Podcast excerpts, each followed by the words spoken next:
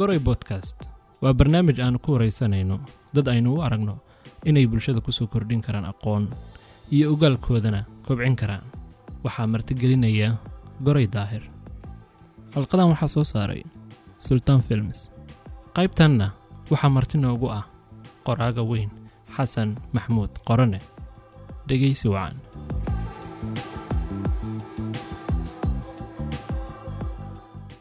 asalaamu calaykum waraxmatullahi tacala wabarakaatu waan idin salaamay dhammaantiin waxaan ku faraxsanahay xalqadii u horeysay ama qeybtii u horeysay aynu sanadkan bilowno in aan ku wareysanayo haldoor ka mid a weliba haldoor dhalinyaro ah ee bulshada soomaaliyeed ka mid ah islamarkaana si gaara uga mid ah qalinleyda ama qorayaasha dadka soomaaliyeed ee wax qora ee hal abuurka leh. Waxaan soo dhaweynaya ustaad xasan qorane intaanan guda gelin mowduuca aynu maantay mawaadiicda aynu lafaguri doonno. Waxaan rabaa inaan ogaano marka koowaad ama aanu daawadaha ama dhegeystaha barno. Xasan maxamuud qorane yaa ku soo dhowo ustaade aftaax waad mahadsan tahay iyo goray podcast. Runtii barnaamijyadano kale waa loo baahan yahay. Dadka soomaaliduna aad iyo aad bay ugu baahan yihiin. Weliba maadaama ay bulshadeednu tahay bulsho wax dhegeysata oo wax daawata laakiin wax akhriska uu ku yaryahay marka loo fiiriyo inay wax dhegeystaan ama ay daawadaan. Waxaa social mediahii iyo waxyaabaha la daawado youtube-ka iyo waxyaabaha kale dhexyaacaya muuqaalo aada u anshax daran muuqaalo foolxun muuqaalo aan soomaalida u qalmin. Muuqaalo runtii iska taafiha oo aada u hooseeya marka in barnaamijyo haadifa oo oo ummadda maskax iyo maan iyo magaranaysa garaadka u lagu soo daro horta aad baan kaaga mahad celinaya waa barnaamij fiican. Meelihii taarikh nololeed badan de ka soo sheekeeyo xasan maxamuud qorane waa waa ninkaa soomaaliyeed majaalka wax qoridda ku jira. Tacriifka kaliya isqeexiduna kale waxay ka soo dhexbixi doonaan intaan sii sheekeysana insha allah ustaad aad baa mahadsan tahay waxaad wax ku qortaa luqadda carabiga luqadda soomaaliga waxaan rajeynaya inaad hal buug ku qortay xasan qorane yuu wax u qoraa. Muxuuse wax u qoraa? Waa su'aal fiican ustaad cabdifataax waxaan wax u qoraa dadka labada luqod ee wax ku qoro akhriya. Inkastoo labada luqadood ilaa iyo hadda aanan isku si ugu qorin oo hade luqadna ay saddex buug ku daawacan tahay luqadna hal buug ku daawacan tahay luqadda soomaaliga inkastoo buug mardhow soo bixi doono buugga labaad insha allah. Waxaan wax u qoraa qof kasta oo fahmaya luqadda aan wax ku qoro mawaadiicda aan wax ka qorana daneeya oo akhriya. Waxaa jira dee dad badan oo soomaaliya ama caraba oo mawaadiicda aniga wax ka qoro aan danayneynin ama aan jeclayn dad waxaa jira luqadaan wax ku qoro aan akhriyin. Dadaan garanaynin ayaa jira. Adi cumuum markaan soo koobo qof kasta oo luqadaasaan wax ku qorayo akhriya mawaadiicda aan wax ka qorayana xiiseeya ama daneeya ayaan wax u qoraa. Iyo cid kastoo ka faaideysanaysa dabcan ama akhrinaysa. Ustaad waxaad tiri cid walba oo ku akhrisa laba luqadood wax ku akhrisa. Gaar ahaan carabi iyo soomaali. Inkastoo aad sheegtay tiri luqadda carabigaan u badnahay saddex buug baan ka maraya maxaa sababay maadaama aad qof soomaaliya tahay luqadda luqadaaduna soomaali tahay luqadda hooyo ay soomaali tahay maxaa kalifa in luqadda carabigu ay ka sara marto? Ni waxaan filayaa laba arrimood qofku ma doorto qoraalku wuxuu la yahay sida geerida iyo dhalashada iyo midabka iyo afka aad qaadanayso. Sababtoo markaad dhalanaysay inaad soomaali noqonayso ood ree hebel noqonayso ood in hebel noqonayso waxba lagaama weydiinin. Inaad qof gaaban ama qof dheer ama qof madow ama qof buuran ama qof cataa noqonayso waxba lagaama weydiinin. Si xilligaad dhimanaysana qofka waxba lagama weydiinaya yani qofka ilaahay xilligu u talagalu dhimanaya. Sidaas sidaas u dhow ayaa qofka ma filayo intuu qof meel fadhiisto ama asagoo yar uu qorto inuu hadhow qoraan noqon doono ma filayo. Ma garanayo dee dad shucuubaha qaar oo laga yaabo inay dhaqan iyo hiddo u leeyihiin wax qoridda waa laga yaaba laakiin cumuuman qof intuu meel fadhiisto sii xadidaya inuu qoraal noqon doono badanaa ma jiro. Qoraalku waa wax ka dhasha dareen hoose qof ka dhasha weeye. Si ama si- sidoo dhan aan dhaho hal abuurka aan dhaho hadda waxaa laga yaabaa in halkan eh, ay dhacdo ka dhacdo eh, labadeenna nabada saamayso. Adiga waxaa laga yaabaa inaad eh, gabay aad kaga jawaabto. Ani waxaa laga yaabaa inaan qoraal kaga jawaabo. Qof saddexaad waxaa laga yaabaa inuu hees kaga jawaabo. Qof afraad baa laga yaabaa inuu geeraar u tiriyo.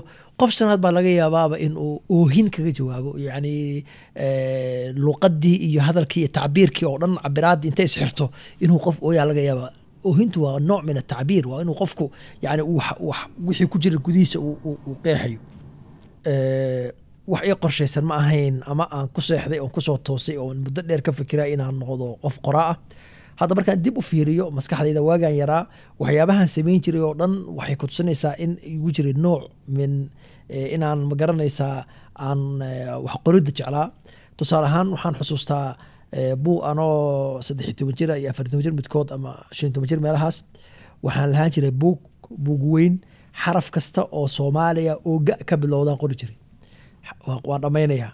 Waxaan qorayaa wax kasta oo soomaaliya oo ani aan garanayo oo ka ka bilowda ayaan qoraya ama kaaf ka bilowda waan qorayaa.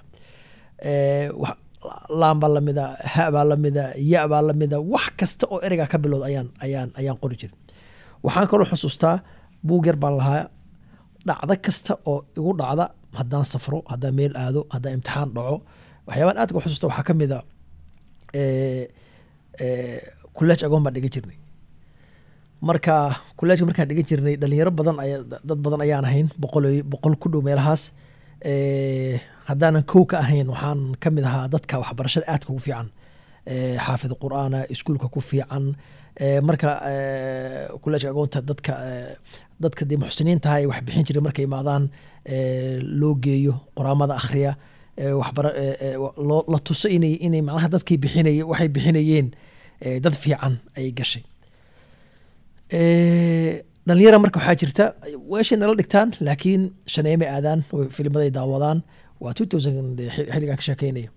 Eh, eh, shaneemay aadaan filmay soo daawadaan magaaladay aadaan. Anaga kubadna waan ciyaarnaa. Kulaaj agoontana waan dhiganaa. Marka waxaana nin aad ugu fiican qur'aanka aad ugu wanaagsan waxbarashada xaafid qur'aan fiicana maalinba waxaa la weydiiyey su'aal tartan qur'aan. Walbaladu ayibu yakhruju nabaatuhu yaa la weydiiyey ayadaas ayadda ku xigta masjid saxaamid ay- ayad ah ayaan garan waaye aad ayay iilo cuntami weyday in aanan shaneemo aadaynin oo aanan filin daawanin qur'aankiina aan garan waayo. Waan soo baxay waan xusuustaa derbi kismaayo ku yaalla ilaa hadda aan maro. Ayaa waxaan ku qoray labadii bishii koobaad two thousand one. Ayaan ku qoray. Maalinkaas waxaa okay inta ka hor filmo waan daawaday kubad waan daawaday laakiin ma ahayn qof macnaha ku maman ma ahayn. Ama aad filimada u daawadaa hadda world cupkii sagaashan sideedii waan daawaday Eh, inkastoo de aan dhamaysanin Eh, african cupkii labadii kun waan daawaday. Laakiin qof ay balwad u yihiin ma ahayn. Filimo waan daawaday xilligaa ka hor. Meeshan taariikh baan ku qoray taariikhdaas ayaa inaan waxaan joogteeyo aan bilaabay. Waxay iga bilaabatay mataqaanaa. Yani film ma daawanaysid. Qur'aankii lagu weydiin waad garan weyday see see marka waxaan waxaan ka soo wadaa wax walba oo igu dhaca waan qori jiray. Ama taariikhda keliya aan qoro ama aan raaciyo qoraal yar aan raaciyo. Hadda markaan dib oga soo laabtay markaan dib oga soo laabtay suudaan oo jaamacadda soo dhameeyey oo hal sano oon jigjiga soo shaqeeyey aan aan ka soo laabtan kismaayo ku soo laabtay.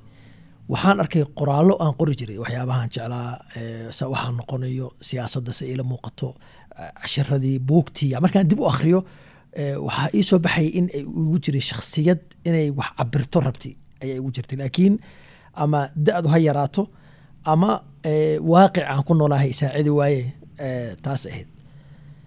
Tan luqadda markay imaato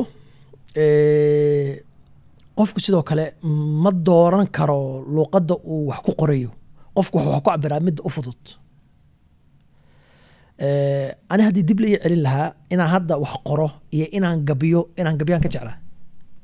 Sababtoo ah gabayga soomaalidu wuxuu ugu jiraa meel aad iyo aad u weyn qofka soomaaligu qoraa maba yaqaana dee moogta wax fahmi kara maaha.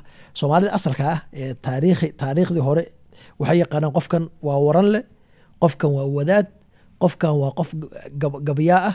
Yani qofku waa in nolosha soomaaliya meel ka soo galo qof qoraa meel kama soo galo. Waa siyaasi oo kale. Awowgaa iyo awowgii siyaasi dilowd maxay ka garanayaan. Haddii la- niman xildhibaanii wasiir dhahatay iyo suud intay xirtaan subax walba meel fadhiisto waa xildhibaan ma fahmi karo. Awowgaa saddexaad iyo ka afraad. Kuraas ku fadhi ma fahmi karo shaqadu qabanayo nin madaxweyne la dhahaa jira haddii la dhaho awowgaa iyo shanaad ma fahmi karo sababta ma suldaan baa maya ma ugaas baa ma wabar baa ma dhaqan baa ma gabyaabaa ma geesi baa ma- meel kama soo galo dhaqanka soomaalida madaxweyne waxa la dhaho. Meel kama soo galo. Yani waxyaabahaas la mid yahay qo- qoraaguna. Yani waxyaabaha ay noo keeneen dhaqanka noo soo doolay.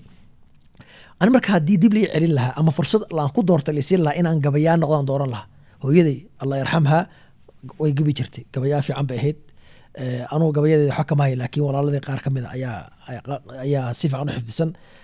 Eh, marka ma dooran inaan carabi wax ku qoro ama uu ii bato carabigu laakiin markii aan gaaraan filayaa xilligii bislaadka ee kelimadeedu ay bislaatay soo baxaysay ayaa luqadii uga fududeed ee wax ku cabiri karay waxay ahayd carabi.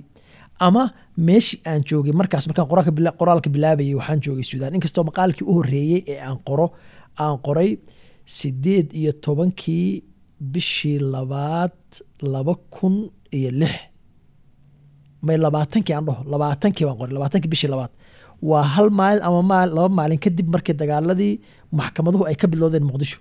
Nimankii la dhihi dirirka markii la iyo iyo maxaakimta.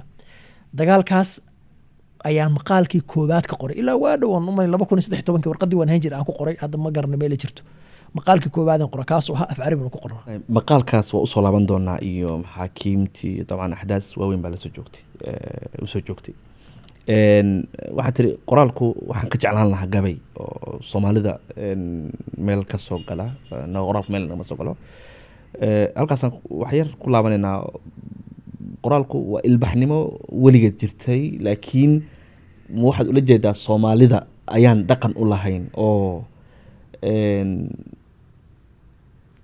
wax mataqaanaa sooyaalkeena turaaskeena ka mid a ma aha aan laftigii dib ugu noqdo halka waad ku mahadsantahay dib ugu laabato caddayn bay u baahan tahay. Yani waxay u baahan tahay inaan xoogaa yar yar yar ha niyo hadda markaad dib u fiiriso soomaalidii laba laba boqol oo sa- saddex boqol oo sano ka hor nooleyd waxay leeyihiin buug qoran oo diin u badan oo waxay leeyihiin adduunka maanta muctamadka ah oo la yaqaano. Waxay lahaayeen culimo waaweyn oo intay adduunka aadaan oo mujtamacaadka islaamka iyo carabta dhex galaan macno ka keeni jirtay lahaayeen. Eh, taas waxaa sabab u ahayd qofka soomaaliga ah luqadiisa fikirka iyo qoraalka iyo iyo iyo iyo iyo hal abuurka qoraalka ah wuxuu ahaa af carabi Eh, isticmaalkaa yimid isticmaalka markuu yimid luqadii carabiga waa lala dagaalamay markuu la dagaalamay ama ama faransiis dhulka soomaalida ha beero ama ingiriis ama talyaani luqadii carabigu dib ayay u socotay. Soomaalidii marka uu gumaystu gumaystu haystayna ma aysan aqbalin ama ma aysan qaadanin in luqadii gumaysiga yacni ingiriiska luqadda ingiriiska si haddaynu u aragno inay muhiim noogu tahay ogayaashan umayn arkaynin. Waxay oga baanahayn baa iska yaraa. Qofkana wuxuu ahaa saan cadaalo soo duulo dalkooda wuxuu ku qabsanaya. Talyaani la mid buu ahaa faransiis la mid buu ahaa xabasho la mid bay ahayd waxaasoo dhan waxay ahaayeen marka markii gumaystigii waddanka yimid luuqadihii soomaalida la keenay ee lagu qasbay may qaadan soomaalidu? Luuqadoodina luuqad qoran oo wax lagu qormayn ahayn. Walidaalika ayaad arkaysaa mararka qaar in xitaa marka ay soomaalidu hadda warqad baan hayaa eh, talyaaniga markay soomaalidu eh, saddex arrimood ayaa gumaystuhu markuu imaanayay uu dalkeena ku soo galay. Kow waxaa weeye inuu eh, dhulka iyo dekada kiraysto inuu dekada kiraysto in oo odayaal iyo salaadiin iyo eh, uu mucaahado iyo iyo la galo eh, eh, heshiis uu la galo. Meesha aan ka keenayo waxaa waaye odayaasha heshiiska uu la gelayo dhammaan warqadahaas waxay ku qoran yihiin af carabi. Dhammaantood af carabi ku qoran yihiin soomaalidii xilligaa nooleyd carabiga umayn arkaynin luqad ajnabi ah luqad iyagu ayn lahayn uma arkaynin. Iyagu yani lamayn nooleyn azmat alhawiya lamay nooleyn ama identity crisis lamay nooleyn. Waxay ahaayeen soomaali luqad soo- soo- soomaaligooda leh luqadan carabigana iyagu leh ayay ahaayeen. Innaga kadib marka waxaad ka garanaysaa marka xilligaas talyaanigu joogay ama ingiriisku joogay ama gumayste kale joogay soomaalidii aan qaadanin luqaadkii ajnabiga ahaa carabigiina laga fogeeyey waxaa dhacay gaab. Waxaad arkaysaa saa darteed boqol sano siddeetan sano sagaashan sano soomaalidii wax qori jirta inay maqan yihiin. Dib ayaa haddana xiliyadii eh, daraawiishta iyo wixii ka dambeeyey ayaa dib haddana u bilaabatay nahdo iyo kacdoon soomaalida inay inay wax curiyaan eh, eh, ay carabi wax ku qoraan. Waxaad u garan kartaa sideetamaadkii lixdamaadkii iyo xitaa kontonkii wargeysyadii dhulka soomaalida ka soo bixi jiray af carabiga ahaa maanta kuwa carabta ka soo baxay way ka tayi badan yihiin. Ugu yaraan muqdisho xorowgii ka hor iyo gobonimadii ka hor laba wargeys af carabiga ka soo bixi jirtay. Ama ugu yaraan hal aan dhahno ugu yaraan waqooyiga sidoo kale. Dhul badan oo soomaalida wargeysyo af carabiga ka soo bixi jiray soomaalida way akhris- way akhrisan jirtay. Marka waxaan- leeyahay soomaalida marka fatro dheer ayaa soo martay oo qoraalka uu gumayso haystay qoraalkuna uu meesha ka maqnaa waa fatrada marka ay bulaashay su- sugaanta gabaygu waa fatradu bulaale wey maadaama oo wax kale wax lagu cabiri jirin gabayguna uu yahay waxa keliya ee soomaalidu ay wada xifdihi karaan wada qaybi karaan ee wada gudbin karaan waa xilliga uu gabaygu yeeshay. Macnaha waxaan aaminsanahay haddii soomaalidu ay dhaqan u lahaan lahay inay wax qoraan in uu gabaygu heerkaa gaareen. Ummadaho dhan baan la mid carabta la- yaa- la mid a yani oo shicirka carabta iyo keenu waa isku mid waxyaabuhu ka hadlay waxaa la aqraad shicir ama godadka uu ka hadlay ama macnaha uu ka hadlay shicirku isku mid nahay. In lagu bilaabo ama jacayl lagu bilaabo ama lagu bilaabo alxaniin ila almaadi yani qofka in u hiloobo noloshii hore u hiloobo in deegaano hore u hiloobo in guryo hore u hiloobo ama hadday noqoto ammaan hadday noqoto cay hadday noqoto borordiiq hadday noqoto dhaliil yani waxaan u leeyahay mar aan ku noqdaa soo gaabay hadalku nagu dheeraadee gabayaaga ayaa ka macno badan soomaalida dhexdeeda qoraaga ha. Yacni qoraaga waxa soomaalida tusaalahaan baan ku sheegaya sayid maxamed cabdilla xasan saameynta uu maanta leeyahay ee soomaali ku leeyahay nin necab iyo nin jecel labadaba hadduu gabayaa ahaan lahayn ee hoggaan keliya ahaan lama yeelan lahaa ma yeelan lahayn. Ilaa yowmina haada soomaalidu in badan oo ka mid a waxay taqliidisaa sida cabdulla xasan qaab xukunka iyo qaab hadalka iyo qaab gabayga labadaba sababtoo ah wuxuu ahaa nin kulmistay suldo iyo awood dowladeed awood ciidan awood dhaqaale iyo awood suugaan. Saa darteed ninka maanta madaxweynaha ah ee aan gabyeynin suugaan lahayn ma dhammaystirno. Ninka ganacsadaha ee lacag leh ee aan haysanin awood xukun iyo mid gabay ma dhammaystirno. Saa darteed waxaad ka garan kartaa saameynta uu maanta leeyahay sayidka iyo daraawiishta konton ka mid a ama ka badan boqolkiiba konton ama ka badan waxaa siiyey inay ahaayeen dad sugaanta boqolkiiba boqol u adeegsaday halgankooda. Waxaan ku qoray eh, maqaal afcaal oo la dhaho taxawulaat aladab asoomaali isbebedelka sugaanta soomaalida. Sayidka iyo daraawiishtii istakhdamu ladab ka silaax lilmuqaawama. Waxay u isticmaaleen hub ay isku difaacaan ayay u samaysteen. Saa darteed ree hebel bay isdagaal ree hebel baa gaaladii soo raacaya ingiriis iyo talyaani soo raacaya gabay wuxuu u tirinayaa gabay baa loo tirinayaa.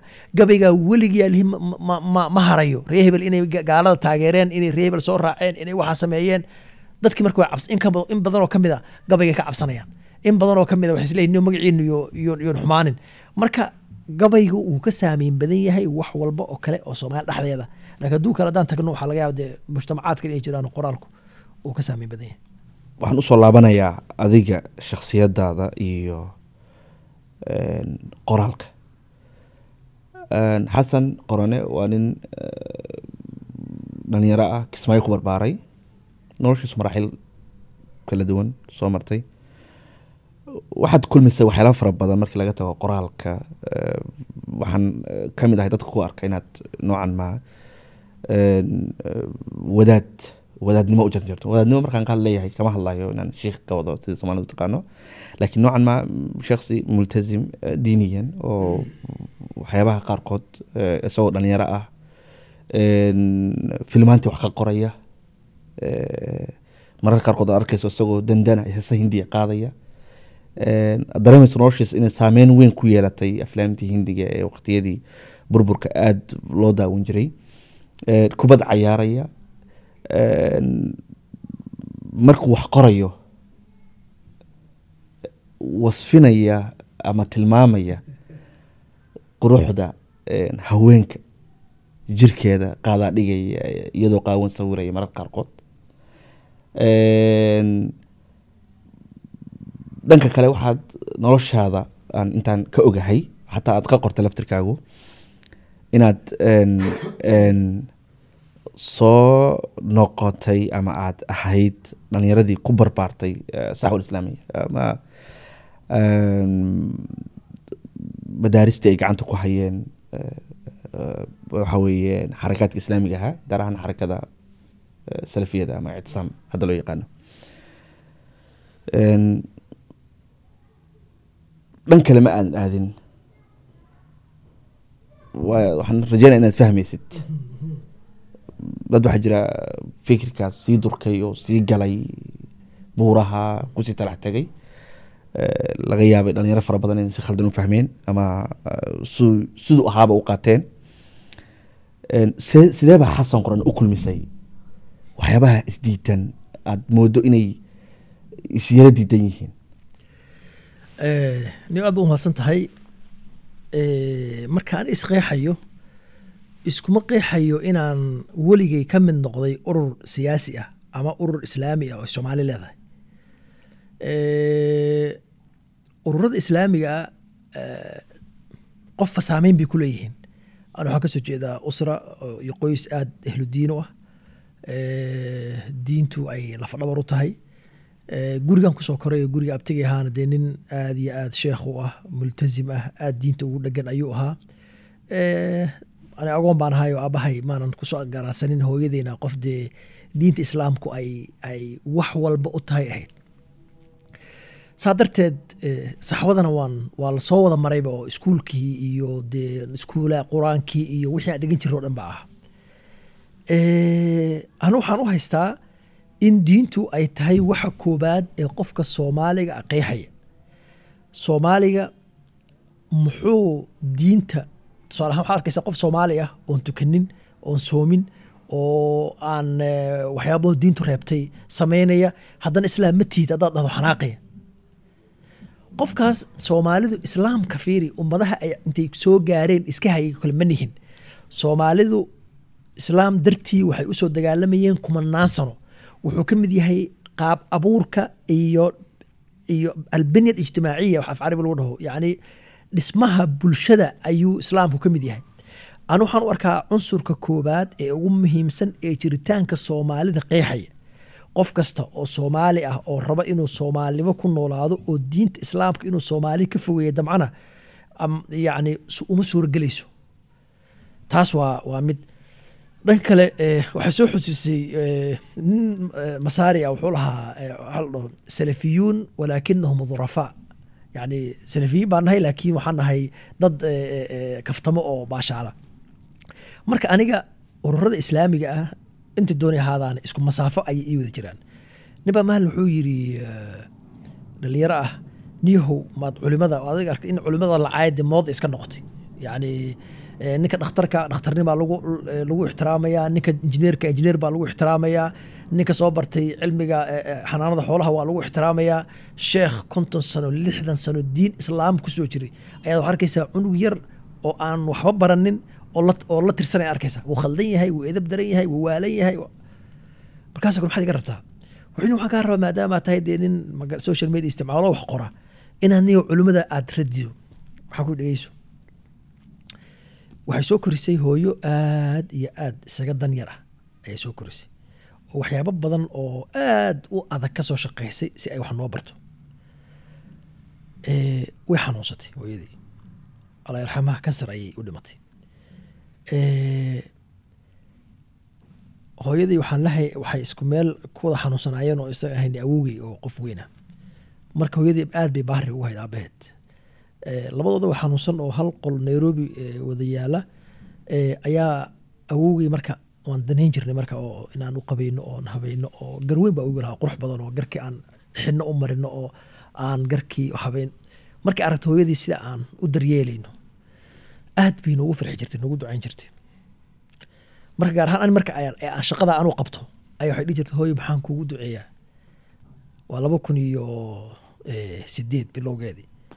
Waxaan dhahoy inaan jaamacad aado. Sababtoo ah s- saddex sano ka hor baan xilligaas laba sano ka hor baan isku dugsiga ka baxay. Meel aan aadaan garan la'aa waqtigu waa igu wareersanaa jaamacadihii xoog badan kama haynin. Waxaan dhahoy jaamacad iigu helo- inaan jaamacad helo maalinkii dambe waxay tiri niyahow mar walba jaamacadun baad dhahdaaye maxaarta inaad baratid. Ilaa markii su'aashaa markay weydiinaysa laba beri ka hor ayaa cilmiga beeraha waxaan ka helay suudaan. Ka- kadib waan ma, ma, ma, ma baran eh, yani wax kale bartay. Markaasaan ku yiri hooyo eh, cilmiga beerahaan helay cilmiga beeraha. Hooyada way oysay maalinkaas way xanuunsanaydna waa cudurka u dhiman doonto alla yarxama. Waxay tiri niyahow nolol adag baa inagu soo koriyo iska rafaada. Eh, haddaan arko nin lacag leh weligay isma dhihin waniyaho caruurtaada ninkaasoo kale may noqdaan. Laakiin qof ahludiina markaan arko waxaan dhahaa ilaahu caruurtaada ninkaasoo kale kaaga dhig. Hooyo ma intaad fursad wax ku barata hesho jaamacad ku aadid ayaa waxaan diin islaam ahayn aad baranaysaa. Meesha ay diintu ka joogtay. Hooyadii waan raali geliyo de waan la hadlayo waxaas.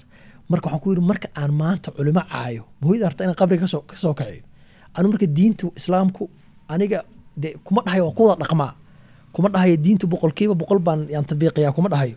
Laakiin diinta islaamku waxay ii tahay wax asaasi ah oo loo gorgortamaynin oo aan aan aysan gelaynin inaan inaan ku waxeeyo dhanka kale nin dhalinyaro aan ahay kubadda jecel filimada jecel saddex iyo toban filin ayaan gorfeyn maqaalo gorfeyna ka qoray. Kubadda intaasoo maqaal baan ka qoray. Si joogtaan u ciyaaraa si joogtaan filimada u daawadaa sugaanteeda waan ku dhex jiraa mararka qaar adiga waad sheegtay markaan wax tilmaamayo waxyaabaha tilmaamaha dumarka waan waa- waan qoraa. Taa waxaan u arkaa wax sugaanaan u arkaa. Laakiin wax caqiido iyo diin iyo dhexgelaysa ma dhalinyar badan saaxiib ahayn oo aan iga iga mutadayinsanaa ayaa mulxid noqday oo diinta ka baxay oo isaga tegey taana kuma xirna ani waxaan rabaa inaan diinta ahaado wasad su'aalaad maalin weydiinta maqaal waxaan soo qoray khudba jimcadii kubadda aan aan isba bardhigay dad badan ayaa waxay filayeen kismaayo markaan joogo maadaama diinta ku ficnaa luqadda carabiga ku ficnaa eh, carabiga ii baxsanayd waxbarashada aan jeclaa. Eh, anoo yar eh, aan khudba jimco bilaabay laba kun iyo laba kun iyo shantii Eh, anoo intaa ka sii yar labadii kun iyo kowdii aan aan noqday eh, tahajud iyo taraawiixi aan aan magaalada kismaayo ka tujin jiray. Dad badan baa ii haystay inaan inaan noqon doono sheekh qaadim yacni oo aan isu waxayn doono. Anigana markaan isfiiriyo nin dhalinyaro aan ahaa aad kubadda u jecel kubadda ciyaara filimada daawada iltizaamka diiniga iskama arkin sababtoo ah sheekh markaad noqonayso oo diinta ilaahay aad qaadayso waxaad u baahan tahay kow inta aadan qofka hadalkaaga ku qancin inuu samtal culamaa qaab dhaqankaaga waa inuu qofka ku qanco. Meel wanaagsan lagu arko hadal wanaagsan lagu arko dhar fiican aad xiratid mujtamaca aad qudwo u noqotid. Anigana waxaan isu arkayey qof laga yaabay inuu hawlo kale isaga jiro. Si aad u garato bii-adan ku soo koray nin kismaayo joogo sheekh ah oo hotel iska lahaa oo abtiga iyo dadkaas aan xaafadana aada isugu wanaagsanaayeen ayaa ma ilaaway ninkaas. Labadi kun iyo afartii ayuu arkay anoo yuuro soo daawaday yu- yuuradii eh, ay gariig ka qaadayeen. Ayaan soo daawaday meeshane moo yuurada lagu baxaan ka soo baxay. Markaan ka soo baxaya marka inaad hareeraha iska fiirisid qofku yaqaana ma maraya ciyaar baan soo daawanaya hadda guryaha ku wada jira aade qofki waa la daawadaa. Ani marka ma arkayn meel fog ayuu iga arkay. Markaas taraawiixdaan tujiyaa tahajudkaan tujiyaa nin waxaan hay dee dhalinyaro ah laakiin dee filmadana waan daawadaa ma ogi inaan filim daawado amaan ciyaar daawado. Iyaga wax kayla tahay. Maalin meel la yimid. Wuxuu inuu ninkaas wuxuu ila ahaa iyo meeshaan ku arkay ninka asagoo ka soo baxaya. Wuxuu ninkaa waa iga dhintay. Ninkaa wuxuu sameeyey haddaad ogaan lahaydeen. Ninkaa ma qof buu dilay waxbuu dhacay miyuu tuntay maxaa kuu ku arkay ninkan? Waa dambe oo ani marka ma ogi waa dambe oo hadda aan kismaayo ku laabtan jaamacadda ka soo laabtaa ninkii sheekaysanay. Wuxuu igu yiri niyahow adoo ka soo baxaya buraale. Marka buraale waa meel looda yaqaanay oo eh, filmadan waa laga daawadaa kubaddana waa laga daawadaa. Marka eh, adoo buraale ka soo baxaya aan ku arkay maalinkaasaan kaaga niya jabay haddaad ogaan lahayd waxay waad yaabi lahayd. Qoraalka markay imaato qoraalka qofka eh, masaaxo weyn ayaad haysataa. Hadda da- dhalinyaro xataa aan asxaabta ahayne ilaah diidka ah ama ama diinta dee aan u arkin wax muhima. Waxaan ku dhaha warniyahow nin eh, mulxida oo ingiriisa wuxuu qoray eh, wuxuu yidhi hadda waa labadii habeennimo. Waxaan dhameeyey maqaal aan ku diidayo jiritaanka ilaahay. Wuxuu yidhi nalkiina waan demin lahay waxaan ka baqayaa haddaan demin inuu dilo. Waxaa dhaha warniyo waxaad haysataa masaaxada ilaahay iyo diintiisa ka soo hartay. Ilaahay iyo diinta iyo nebi muxamed iyo islaam banaanka ka mar. Masaaxadaa ka soo dhan isaga baashaal war sugaan wax ka qor oo adab ka qor oo filim ka qor oo kubad ka qor oo safar ka qor oo siyaasad ka qor oo dhaqan ka qor. Laakiin ilaahay diintiisa afaarooda ha gelin. Markaad mushkiladan haysto waxaa waaye soomaalidu qofkii aan diin ka hadlin waxaa loo arkayaa inuu yahay xagjir mutadarif ama kida. Anugu weligii urur islaami ana ma gelin ka midna ma noqonin laakiin diinta islaamku waa waxay ii tahay rukunka koowaad ee nolosha aan aaminsanahay ee boqolkiiba boqol daacad u ahay. Ayay ayay koku tahay taas macnaheedu maaha aan multazim diiniyan ma ihi. Bini aadan baan ahay waa khaldamayaa waan gafayaa qalad baa iga dhacaya. Eh, tusaale ahaan waxyaabaha la yaab kale waxaa ka mid a eh, wasadkii aan ku soo koray hadda kaaga sheekeynayay dee anoo ciyaar soo daawaday meel fog igeynayay mar waxay waxaan agtooda ka ahay dadkaas nin macnaha diinta ka tegey. Salaanta kismaayo iyo dadkii waxay soo baray iyo macalimiintii iyo xilligaa iyo xitaa adiga ku dar dad badanoo waalidii iyo waxay arkaan nin macnaha fursad fiican haystay oo diintii ka tegey sababto xitaa garkasaan u xiiranayo egtada macno kale ay ka- ay ka- ay ka leedahay. Dhanka kale dad baa ii haysta inaan ahay nin wahaabi oo mutadarif ah ama nin ad- adag oo takfiiri ah. Abadan anu weligin ur ma noqonin ka mid ma noqonin mid weligii ma dagaalamin weligii dagaal ma gelin weligii qof ma gaalaysiinin cilmi aan qofku gaalaysiinin ma lihi. Laakiin diintaas aad haysatee ma garanaysaa ku alaf dhabarta aan biyo kama dhibcaanka. Ah ay nas qaala allaahu iyo qaala rasuul sida ay tahay ayaan u aaminsanahay anoon wax fikira ku darsanayn culimmada islaamka oga dambeeya.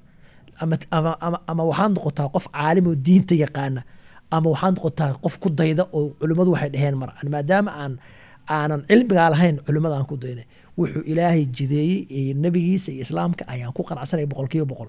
Intaasay dad u arkeen. Qof xag ah oo diinta ka fog ayay arkeen. Okay sudan baad ka timi.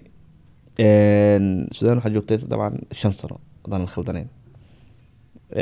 Sudan waxay ka mid tahay sudan iyo masar. Meelaha ugu badan ay wadaado badan ka qayliyeen. Dhalinyaradu ay eh, ku fikri bedeshaan xataa marar qaarkood dhacdo in fikirkoodu gaaro inuu ka tallaabsado inay ka tallaabsadaan dhanka diinta oo ay dhan kale u tallaabsadaan. Ama diimo kale qof sudan soo maray ama masar soo maray. Badankood waxay u badan yihiin abnaa saxwa islaamiya maxaad dhihi kartaa ama aynu ku saleyn karnaa in ay dhalinyaradu isbeddelka noocaas oo dhalinyarada ku dhaco ma waxaa la oran karaa habkii loo soo tarbiyadeeyey ama wax loo soo baray ayaa khaldana mise manhajka laftirkiisa manhajka markaan ka hadlayo manhajka islaamka kama hadlayo waxaan ka hadlayaa manhajka fikir ahaan.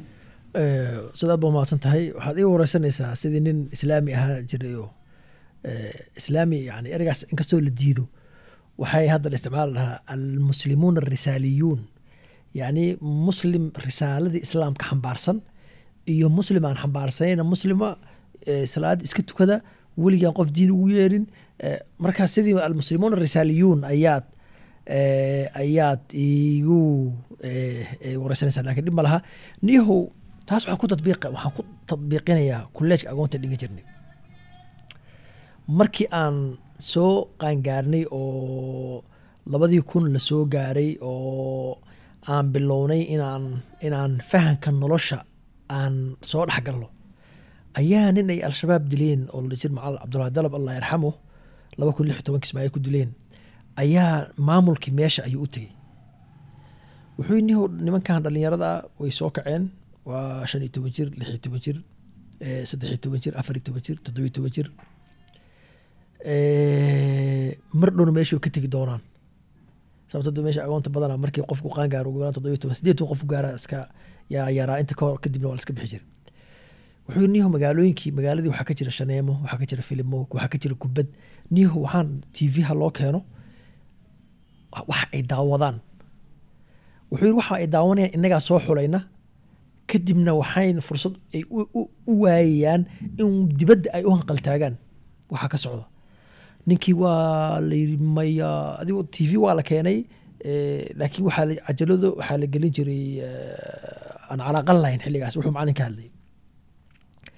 kadibna wixii dhan waa la qaaday waxaa li adina waa khaldan tahay dadkan waad waad ku ciyaareysaa waxan Eh, isla sanadahaasaa bilaabatay in marka ay dhalinyaradii markii ay waayeen carruur ma aha hadda. Nin shan ama lix toban jir carruur ma aha. Eh, kubad waan ciyaarnaa laakiin qof madadaalo kale u baahan yahay. In banaanka loo baxo filimo la soo daawado xilli dambe habeenkii la yimaado albaabka uu xiran yahay darbiyada laga soo boodo eh, dhibaato badan dhacdo. Eh, mushkiladda marka waxaa waaye dadkii tarbiyeynayay dadkan ama iskuulaadka u dhigayey ayaa in badan oo ka mida cabur ay ku hayeen yani qof xoog lagu hayo oo la celcelinayo joog warstaag xagga baxa ayuu ahaa qofku. Awal mara markuu xorriyad qofku helo ayuu ayuu qofku xeradu ka baxaya. Ani waxaan aaminsanahay wax badan oo ka mida qaabkii xiliyadaas nidaamka waxbarashada iyo nidaamka xitaa tarbiyada waalidka ay hayeen inuu wax badan khalad ka ah waxaa kow ka ah in aa- soomaalidu ay aada ugu yar tahay ilaa iyo maanta in qofku ilmaha uu aabihii la fadhiisto uu la sheekaysto qofku markuu soo galo soomaali intooda badan waa la kala cararaya. Ama xitaa haddaan la kala cararin ma helayaba waqti ilmihiisi kula hadlo oo kula sheekaysto. Eh, mar qaar noloshii baa iska adag ninka xamaal buu ku jiraa duud xamaal ama orod ama rafaad oo isagoo daalan buu imanaya uu seexanaya. Daa'iman fajwa gaab ayaa jira u dhexeeya waalidkii iyo ilmihii. Qofkan marka dha- yar ee da- da'yarkaa markuu helo fursad koobaad uu wax ku samayn karo uu wuxuu dareemayaa fiiri sigaarka qofka markuu cabaya la yidhi bilowga hore ninku markuu sigaarka saa u jiidayo xorow ayuu dareemayaa. Rujuula iyo raganimo qof ka dareemaya marka uu bilaabayo. Qofka marka qof intii lala fariistay la qanciyey loo sheekeeyey ma ahayn. Qof la ilaalinayo u ahaa oo xarka lo- iyo xakamo lagu hayo. Xakamihii markii uu waayo ama ay dabcaan qofka u baxsanaya. Suudaan markaan tagnay suudaantu waa dad professor xasan maki ayaa wuxuu leeyahay professorka jaamacaddanada guddoomiyaha ka ahaa xilliga aan jaamacadda dhigan jiray waa nin aad afrika ugu takhaso qoraallo badan afrika sameeyey siddeetan iyo lixdiina buug soomaaliya ka qoray. Ayaa wuxuu leeyahay niyahu soomaalida waa dad aad u degdeg badan buu yiri waa dad fudud sal fudud wax walba tijaabiya orod badan dulqaad badan sabir badan. Qofka soomaaliga maanta wuxuu leeyahay ganacsi wuu gubanaya ganacsigii laba milyan saddex milyan shan milyan boqol kun oo doolar wuxuu hayo dhan baa dukum dekam noqonaya way baaba'ayaan wuxuu leeyahay ilaahay baa aqdar alxamdulillah ka soconaya. Suba ku xigto haddana bilaabaya. Adduunku saas maaha qofkaas igtiaab baa ku dhacaya depression wuu xanuunsanaya boqolaal wax. Wuxuu yidhi oromada marka soomaalidu waa badankeedu waa raacawi ghaaliban. Yani soomaali beeraley way jiraan laakiin intooda badan majority soomaalidu waa dad xoolo dhaqata xitaa ninka beeraha xoolna wuu leeyahy wuxuu oromada aqlabkoodu wuxuu yidhi waa dad beeraley ah oo degan oo aada u qabow oo masaakiin ah. Nin waxaan soo jeedinaya in ay isguursadaan soomaalidii oromada say u dhalaan jiil soomaalidana ka degan oromadana ka qabow ka kulul say u dhalaan. Maxaan ka marka qofka soomaaliga ah suudaan markaa tagto suudaan waa dad haadi ah iska qabow afkaarta ad adag waxaa ku jirin. Ninka eh, waxyaabaa annaga waagaas gaalnimada loo arkay waxaa heesaha ka mid ahaa de soomaalida aadka u adkeyd sheekh iyo caalim iyo culimmada heesaha iska wada dhegeysanaya kubaddaa la wada daawanayo. Qofka horta automatically ayuu ayuu u dabcayaaba isfurfurayaa qofku. Waxaan xusuustaa aniga markaan eh, kismaayo ka tegey puntland baan tegey boosaaso sanad ku noolaa kadib waan baxay nairobi baan tegey. Intaan eh, laba sano ku dhow nairobi joogay waxaan ii rukunaa oon mar walba heli jirnay majalada la dhaho eh, albayaan majalada albayaan la dhabay ka soo bixi jirtay dhigay majalada waxaa waye salafiya itijaaheedu waa waa itijaah salafi. Eh, aad bay markaas anigu maadaama dee qof aan waxba u akhristabal ah kismaayo waxaan xusuustaa inaan intaan baxno eh, eh, markii wax la cuno hala gacmaa la iskaga tiro tiish iyo waxaan joornaal joornaal buu ahaa waaga ina xusuusta in kala ormahayo joornaalkaas marka maraakiibta ka imaata dubai ayaa keeni jirtay magaalooyinka alkhaliij iyo wax la mid u ahaa intaan tago kismaayo hoteelada ku yaalla ayaan joornaal soo qaadin saan u akhriyo. Ilen magaaladii maktabad ma laha buug ma laha. Eh, marka majaladaas wax weyn bay ilahay inaan akhriyo. Saan waq- suudaan markaan tegey eh, waan waxaan rukuntay majalo alcarabi. Alcarabi waa majalo kun sagaal boqol iyo kontomeeyadii laga bilaabay laga bilaabay eh, kuwait wasaaradda waxbarashada kuwait wasaaradda warfaafinta kuwait baa soo saarta. Ilaa yoomina haadan way soo baxdaa yani kontonkii ilaa hadda way soo baxdaa. Maya taas waxaa waaye waxaa la alqudus alcarabi tan waa alcarabi majalat alcarabi waa majallo aad caan u ah waa majalooyin ka mida majalada aadka ii saameeyey inaa xitaa adab rixaad qoro saldhigeeda u ahayd sugaan safarka majaladaas marka inaan saaxiib nahay oo hadda xabar jooga oo qoraalada aan qoro marar qaar u arkaya inuu inay xad ka yarbaxsan yihiin de asaga wixii xadka u ah ayaa wuxuu dhahay niyahow majaladii aad akhrisay wargeyskii alcarabi aad akhri jirtaa aad ku saameeyey okay marka markaad u guurto majala islaamiya multazima aad ka guurto majala munfatixa oo liberaali ah oo aad u guurto oo afki dowlad dowlad ku hadlaysa markaad u guurto way, kala duwan yihiin. Marka suudaan qofku markuu tago automatically asaga iska dabcayaba waxyaabo badan oo tashadud u arkayey oo marka hore laga yaabo. Eh, ani ahaan aan iska soo qaado hees aan dhegeysto waxay ugu horreysay suudaan laba kun iyo sagaal ayaa okay dhegeystay aan dhihin. Hees aniga taleefon aan leeyahay lagu kaydiyo igu horreysay. Okay ma wacyi iyo waxaan ha samaynin ha dhegeysanin iguma ahayn. Laakiin bii laga dhegeystaba kuma soo korin qof aan walaalna ha dhegeysanaynin qof idhalaan dhegeysanaynin qof guriga ku noolaa baan dhegeysanaynin qof waxii dhigaan dhegeysanaynin. Okay marka xitaa haddii agtii lagu dhegeysanayo macnaba iima samayn jirin ma fahmi jirin ba waxay ka hadlayso suudaan baan tegey magaalada cadbara dhowr iyo toban qof oo soomaali yaa magaaladan ku joognay. Inta badan waa isla deganayn. Eh, qofka markuu wadankiisa ka baxo waxyaabaha wehelka u ah sugaanta kow ka ah.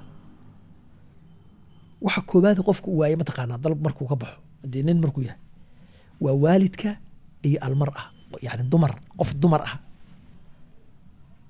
Aad in arrintaa loo baaro waayo heestu marka dhan waalidkaabay kaaga dhaweyneysaa dhana dumarkay ku dhaweyneysaa yani waalidkaan waa soo xusanaysaa markii igu horreysay marka hees ani aan taleefonkeyga ga- ku shubto 2009 january ayaa igu horreysay dad markaa dhaweylahaba wadamaba meel laga dhegeystaba kuma soo korinba marka waxaan ka soo wadaa suudaan markaad tagto waxyaabo badan oo laga yaabo in ama ama waaqicii nolosha kuu diido amaba aad khalad u arkaysay ayaa ayaa caadi iskala iskala qabsanaysa dadkii marka labay noqdeen qof masaafo mucayan ah gaaray oo waxyaabo yar oo tusaale ahaan dee wax weyn ah, suudaan eh, dumarka de waa la salaamaa Eh, xustaa gabar baa maalin waxay tiri nin baa noo yimid xafladii meel baan tagnay marka markii la salaamayey buu gacanta ceshtay markaas dee lisa khasha shabaka khaliyo yani weli ma shabakada ma soo gelin bay tiri asaga dadka iska salaami doone waxaa laga yaabaa inaad iska arti dadka iska salaamaya inaad eh, rag iyo dumar ba salaamay inaad iska baa laga yaabaa heesaaga iska dhegeysatid qof marka masaafadaasaa laga yaabaa inuu joogo qofna inuu intaa intuu sii dhaafo xorriyaddii ay meel fog la gasho inkastoo dee khamradii waxaas iyo ay ay mamnuuc ahayd suudaan laga yaabo inuu daroogada noocaas uu tijaabiyo sigaar hadduu cabi sigaar bilaabo hadduu khamre cabi jiray bilaabo tumasho iyo meel la aado uu bilaabo. Dad waxaa laga yaaba xorriyaddii qof inay halkaa u joogto. Qof uu sii dhaafo oo uu gaaro niyo diin iyo wax ku tusaale ahaan qofka markuu muslim yahay waxyaabaha khartuum waxaa ka mid a nin baa wuxuu yidhi eh, noo sheekeeyey qoys wuxuu ku soo koray aad iyo aad helo diin u ah multazim ah aabihii sheekh buu ahaaba. Marka automatically wuxuu isaga haystaa bismillah inuu dhawaal markuu bilaabayo. Wuxuu yidhi niman suudaan khamre isla cabnaa markaa khamrada cabi rabaan bismillah dhihi. Xalayaasoo inta multazim akhi ajitayna wana masjidka aad multazim baa badaa bismillah soo xusunaysa adaa khamre cabaya wuxuu aniga marka bismillah jeceel igama aha laakiin anahoo yar ayaa laygu soo koriyey marka dadkii saddexaas u qaybsameen qof yani waxyaabahaas okey inuu hees dhegeystiy iyo waxyaabahaas uu taxarukii u geeyey qof wax yar gudbay oo daroogo ku daray ama khamre ha cabo ama sigaar ha cabo ama wax kale ha cabo ku daray iyo qof sii gudbay oo qof markuu sigaarka cabayo ama daroogadaas ama khamrada cabayo ta'niiba damiir buu dareemayaa. Niyahow saasaa tahay waxan waa xaaraan ma banaano ama markuu tumanaya qofkii. Markaad wax diiniba ma jirto marka. Qof wuxuu dareemaya inuu xorriye kaamil haysto. Marka waxaan aaminsanahay tafaasiisha waxaan u galay qaab tarbiyadii iyo qaabkii dadkan ay ula dhaqmayeen da'yarta wax badan oo ka mida ayaa khalad ahaa.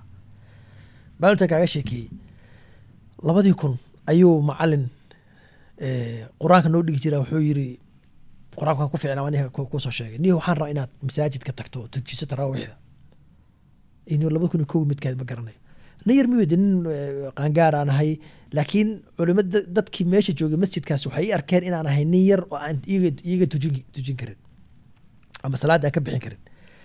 Oday waxay dhowreen ninkaan aan eh, safiinatu salaadka garanaynin iyo safiinatu naja iyo waxaan iyo dahaaraba ma yaqaaneen nama tujinayo. Wa ninkan waa nin saas waa nin xaafid quraana waa nin salaad maya war ka yar kuma daba adu dood dheer kadib ayaa odayaashii Eh, macalinka wuxuu yiri niyo waxaad samaysaa balse odayaashu kuu faham kuu kuugu qancaan. Nin cod dheer rabaan aad uma cod qurux badnayn laakiin cod oo dhiiran baa lahayo fiican. Ayaa wuxuu yiri waxaad samaysaa bal cishaha tuji ha ku arkaan. Cishii baan galay allahu akbar. Faatixadaan akhriyey. Tabad baan akhriyey marka. Tabad markaan akhriyey sayaslaa naaran baa ii gembisay ku soo celi tabadeeda abi lahabin wataba ma aqnaa canu maalo maa kasab sayaslaa waan garan waay waa la ii sheegay waan dhameeyey tii kale aan tujiyey oday baa istaagay. Alla yarxam hadda uu dhintay. Wuxuu kan yar ee tabad garan la. Ana albaqra markuu tujinay wa awal ayaam ramadaan wuxuu yiri ninkan tabad garan la annaga albaqra naguma tujinayni dan kale yeelaniyo adugta nin la soo diyaariyaan ahaayo macalinkana dee maadaamuu quraan wujuudna soo geliyey in dee merihiisa la arkana way ku jirtaa. Wa ficlan de qur'aankana si fiican baa u naqaani ayaa wuxuu yiri odaygii maya wallaahi inaanu ku daba tukanin. Ninkan sayasa naarba garanayni see ugu daba tukanaa. Adugu markii dambe saddex oday oo ka mid odayaashii way kaceen way tageen masaajidka way ka baxeen. Anigana waan iska tuji ilaa laba kun iyo shantii masaajidka afartii aan dhaho laba kun afartii waan waan tujinayay okay sadma shock ayay igu noqotay. Laakiin qof aniga laga yaaba iga duwan ayaa laga yaaba inuu masaajidda dhan uga cararo. Oo dhaho niyo odayaasha aan salaadaba kuu ogolay ina- ina- inaad tujiso waxaa laga yaaba inuu qofku masjid mar dambe masaajidka tegi waayo. Waxaa ka mid masjidka ismaaciil ku yaalay oday aad runtii u codeeraayo salaad subax. Markii xiga kaaca istaaga tukada oday dhaho aad baa loo yaqaanay alla yarxamu isagana ayaa maalin laba kun iyo afartan uma shantii ma saddexdii midkood ayaa masaajid galay. Marka carruur baa weysanaysa.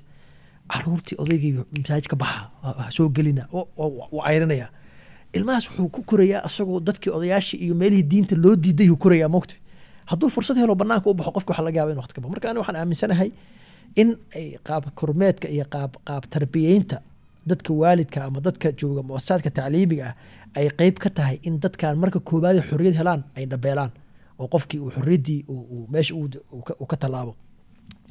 Taas laakiin mas'uuliyad kama qaadayso qofka khaladka sameynaya. Walaa taziru waasiratun wisra ukhraa. Qof walba khaladka uu sameynayo asagaa iska leh asagaa gafkaa geystay. Laakiin waxyaabo taraakumi ah oo isu tategay oo qofka laga yaabo inuusan garanaynin ayaa ku qasbaya inuu waxaan khaladka u sameeyo. Ustaad aad baa mahadsan tahay waxaan u soo laabanayna qoraalka. Yaad ku dayataa markaad eh, dhanka qoraalka. Yaa yaa yaa ku ah qudwo ku ah dhanka qoraalka. Ustaad mahadsan tahay Eh, iyo hadda qof aan ku dhaho boqolkiiba boqol eh, qofkaas ayaa i ah runtii hadda ma ma jiro. Laakiin waxaa jira qorayaal aan aada u jeclahay qoraalkooda. Qaar hadda nool iyo qaar aan nooleyn. Maadaama luqadda aan boqolkiiba sagaashan wax ku akhriyo ay tahay luqadda carabiga waxaa iska caadi ah inayan dadka carabiga wax ku qora ay ii noqdaan dad aada u wanaagsan oon ku daydo. Marka aan fiiriyo dadka carabiga wax ku qori jiray kolley masar ayaa ayaa lamber kow noqonaysa dad badan oo masaari ah runtii oo aan jeclahay qoraalkooda ayaa jira.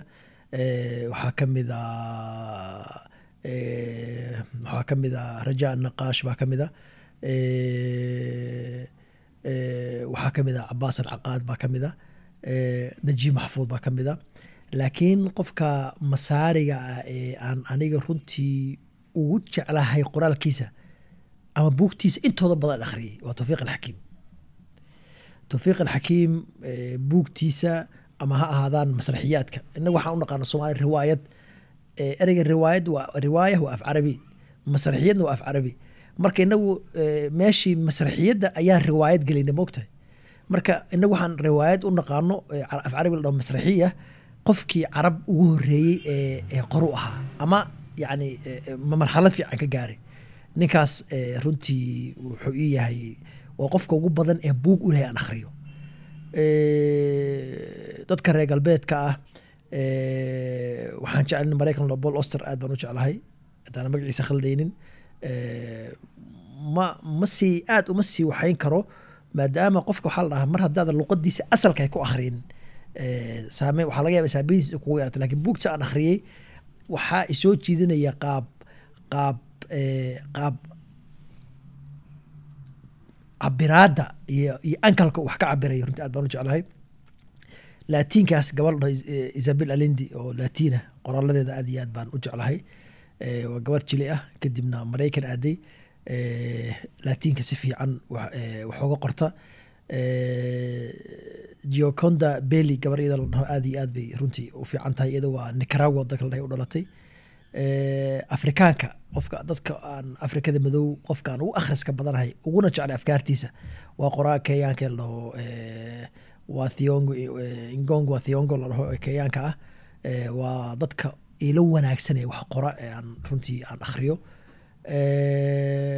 Soomaalida markay imaato dadka af carabiga wax ku qora soomaalida jiilka dhalinyarada ah ninay dhahaan maxamed cali diiri inkastoo aad u yaryahay buugtu qoro buug ilaa karakaas bilaa cawda ayaa runtii ah nin aad iyo aad qoraalkiisu ay aad aad ii cajabiyaan Eh, marka dadka carabiga wax ku qoraan ka hadlayaa dadka eh, af soomaaliga wax ku qora eh, soomaalida ah dee kuley buug aad u caanbaxaa jira. Sida doctor afrax buuggiis oo kale doctor afrax waxaa weeye waa waa nin labada luqadood runtii wax aada ugu qora. Waxyaabaha aan raba inaan sheegana waxaa ka mid ah dadka badanaa soomaalida ee si fiican wax u qora ee soomaalida maanta ku taxan tahay. Luqadu dooni ku qoro ama ingilish ku qoro ama soomaali ku qoro. Asal iyo barbilow waxa u ahaa af carabi ayaa u ahaa.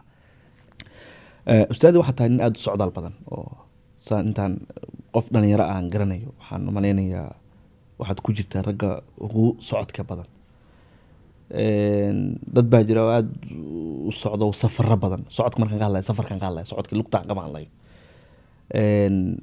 mar turkiyaad joogtaa mar kenya oo laga yaaba inta badan ina- inaad fadhido u badan tahay muqdisho kismaayo hadda dalka haddaad joogto aad baad u socdo u socdaashaayo boosaaso waad martaa afrikada kale waad martaa uganda waxaan malaynayaa waddamada kale sii aadaa carabaha waad aadaa waxaad wax ka qortaa waxaa loo yaqaano adab arixlaad ama suugaanta socdaalka. Ma suugaantaas ayaa safarka kugu hagtay mise safarka laftirkiisa ayaa dhanka suugaanta ku jiiday? Maclum waad mahadsan tahay Eh, waxaan rabaa inaan dhaho eh, waa laba wax oo islaazimo weeye oo mid haddii la waayo ka kale macn- macno yeelanayn Eh, ama ka kale aysan una suuragal ahayn. Tusaale ahaan haddii hooyo iyo aabba la waayo ilmo lama helayo marka haddii midkood la waayo cunugana ma jirayo waa saas oo kale. Yani safarka iyo qoraalku waa labo wax oo laazim ah in la wada helo si aan waa in aniga iyo safarka waa in la helo si qoraal loo helo. Marka kow waxaa ah in safar in anigu aan joogo position ama meel aan iska safri karo safarkaa ku xigoo asal ah kadib ayuu qoraal ka dhalanaya waxaan ula jeedaa adoo aan safrin inaad mawduuca wax ka qorto kadib aad safarto. Mise safarka intaad soo waday. Ah, okay. Eh, aan soo bilaab su'aasha. Usadoo mahadsan tahay Eh, labadaas wax waa laba wax oo mutalaazim ah oo islaazimaya. Mid haddii la ka kale uusan jirin. Laakiin waxaa filayaa waxa asalka ah safarka asalka. Tusaale ahaan eh, in intaan baxo aan macnaha tigid goosto kharash isgeliyo inaan dal tago wax ka soo qoro keliya hal mar bay dhacday waxay ahayd markaan aaday kigali rwanda aan aadayay buuggan soomaali zawaya kheyr maxkiya ayaa soo baxayay markaas. Marka waxaan u baahnaa bal inaan intaan halkaa tago aan arko ama aan ama aan ogaado dagaalkii dalkaa ka dhacay si uu saameeyey iyo say oga gudbeen iyo weli saameynta uu bulshada ku leeyahay. Intaa markii laga soo tago shaqaan u aadayey ama duruufo kalean u tegayay meesha eh, kadib wax ka qoraya. Hadda masar markaan imid laba kun toddobiyo tobankii igu horreysay wuxuu ahaa dalka ama magaalada keliya qaahire ahayd een imid aan waxba ka qorin. Fikrad khalad ayaa igu jirtay oo ah niyahow magaalo ay maaragtay camaaliqadii masar ay wax ka qoreen. Yuusuf idriis iyo tawfiiq alxakiim iyo axmed bahadiin iyo ragga ay magaalo ay wax ka qoreen. Adi maxaa ku soo beerin kartaa? Kadib waxaa ii soo baxday in si kasta ay iiga wanaagsan yihiin iiga fiican yihiin iiga qalin waxay wanaagsan yihiin aniga wixii aan dhihi lahaa iyagu aysan dhihi karin. Aniga zaawiyada iiga banaan ama xagasha iiga banaan in iyaga oga banaanayn aniga oo dibadda ka imanaya saan u arkayo in iyaga aysan aysan u arkaynin. In ugu yaraan sida aan soomaalida ugu werinay aniga aysan ii ugu werin karin. In booskaygaas uu bannaan yahay ayaan mar dambe isku qanciyey oo laga yaaba inay da'iyo waaye aragnimaba ii kordheen. Hadda waan qoray. Waxaan ku farxsan inaad ku jirto. Qoraalkaas aan qoray laga bilaabo markaad banaanka ii taagneed eed gacanta ii taagaysa Eh, arooskaaga aadka u qiimo badnaa. Runtii oo ahaa arooskii ugu horreeyey ee aan xaadira noociisa ah Eh, marka waxa ani asali aan dhihi karaa safarka kadib ayuu marka imanaysaa in wax laga qoro. Ayaa ayaa imanaysa. Waana waxaan aad u jeclahay. Ay buug oo aan qoray oo aan safar ku jirin ma laha. Waxyaabaha la yaab kale ka mid tahay. Eh, waxa u horey jirin moraa safana waaba adab raxiraad waa sugaan safar isagoo dhan safar buu ka sheekeynayaa. Waxaa ku xigay eh, guura ku xigay. Guura waaba nin socdo oo safar ah oo socda ilaa uu maraykan ka tago. Eh, somaal zawaayi kheyrin baxkaa ku jiray? Safaro badan baa ku jira. Eh, kan hadda aan turkiga markaan tegaan soo qoray tajribada gaarka laftigiisa waa wada safar ba asagoo dhan. Midka soomaaliga ah soo bixi doona laftigiisu safarka waa ku jira waxaan u malaynayaa ka kale xitaa af carabiga hadda laba labaan hay hadda mid soomaali mid carabiga. Labada xitaa wuu ku jira. Aslan safarku waa wax igu jira. Waxyaabahan la yaabay waxaa ka mid a.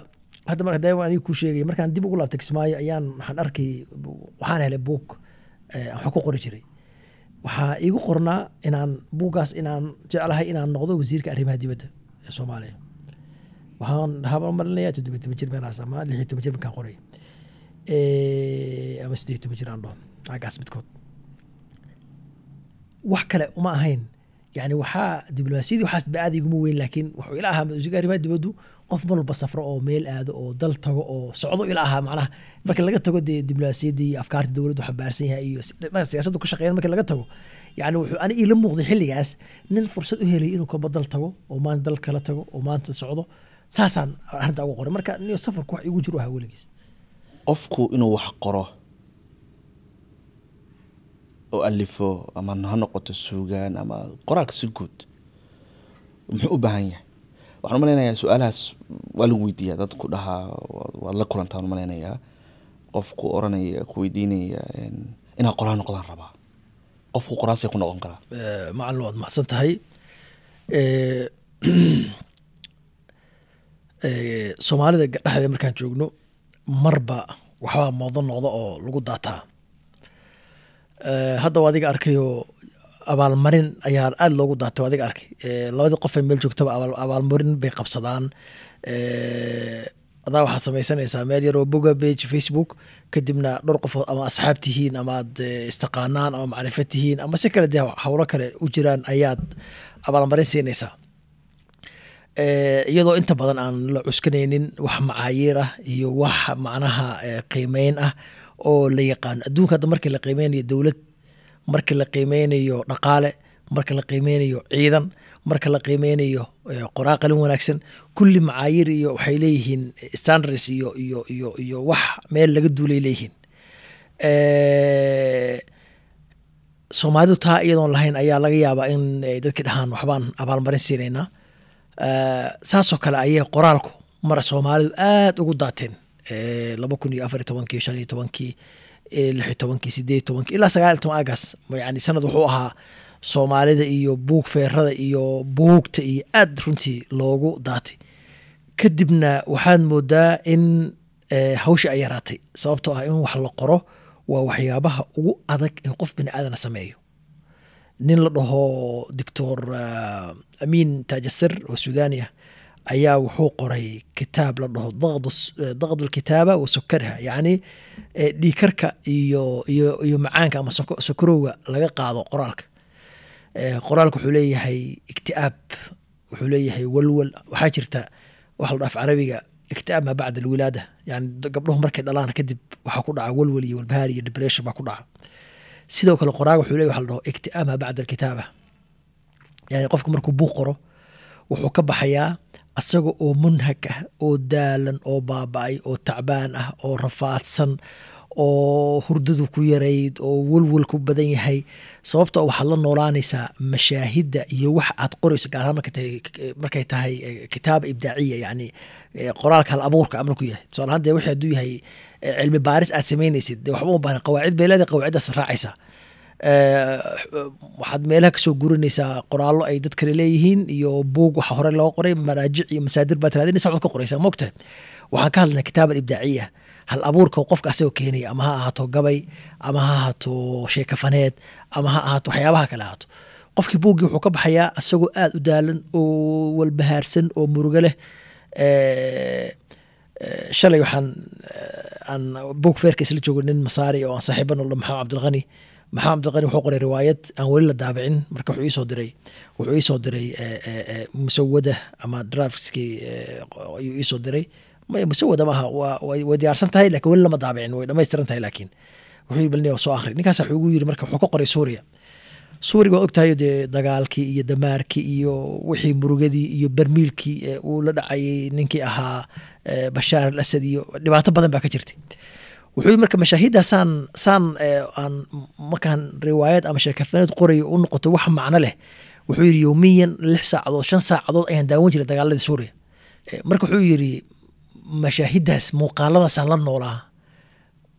Qofka asagaa samaynaya qofkii wuxuu markaan qoray bil ayaan xanuunsanaa buu oon ka kici waayey gurigeygan jiifay saa marka waxaan ka wadaa maadaamay dhib adag dhib adag ay adag tahay fa ama zabadu fa yadhabu jufaa'an yacni dad badan oo markii hore ku daatay oo u malaynayay dee wax tusaale ahaan ama dee manaafic laga helayo ama adduun ama fu- fursad kale laga helayo way wadi waayeen way joojiyeen.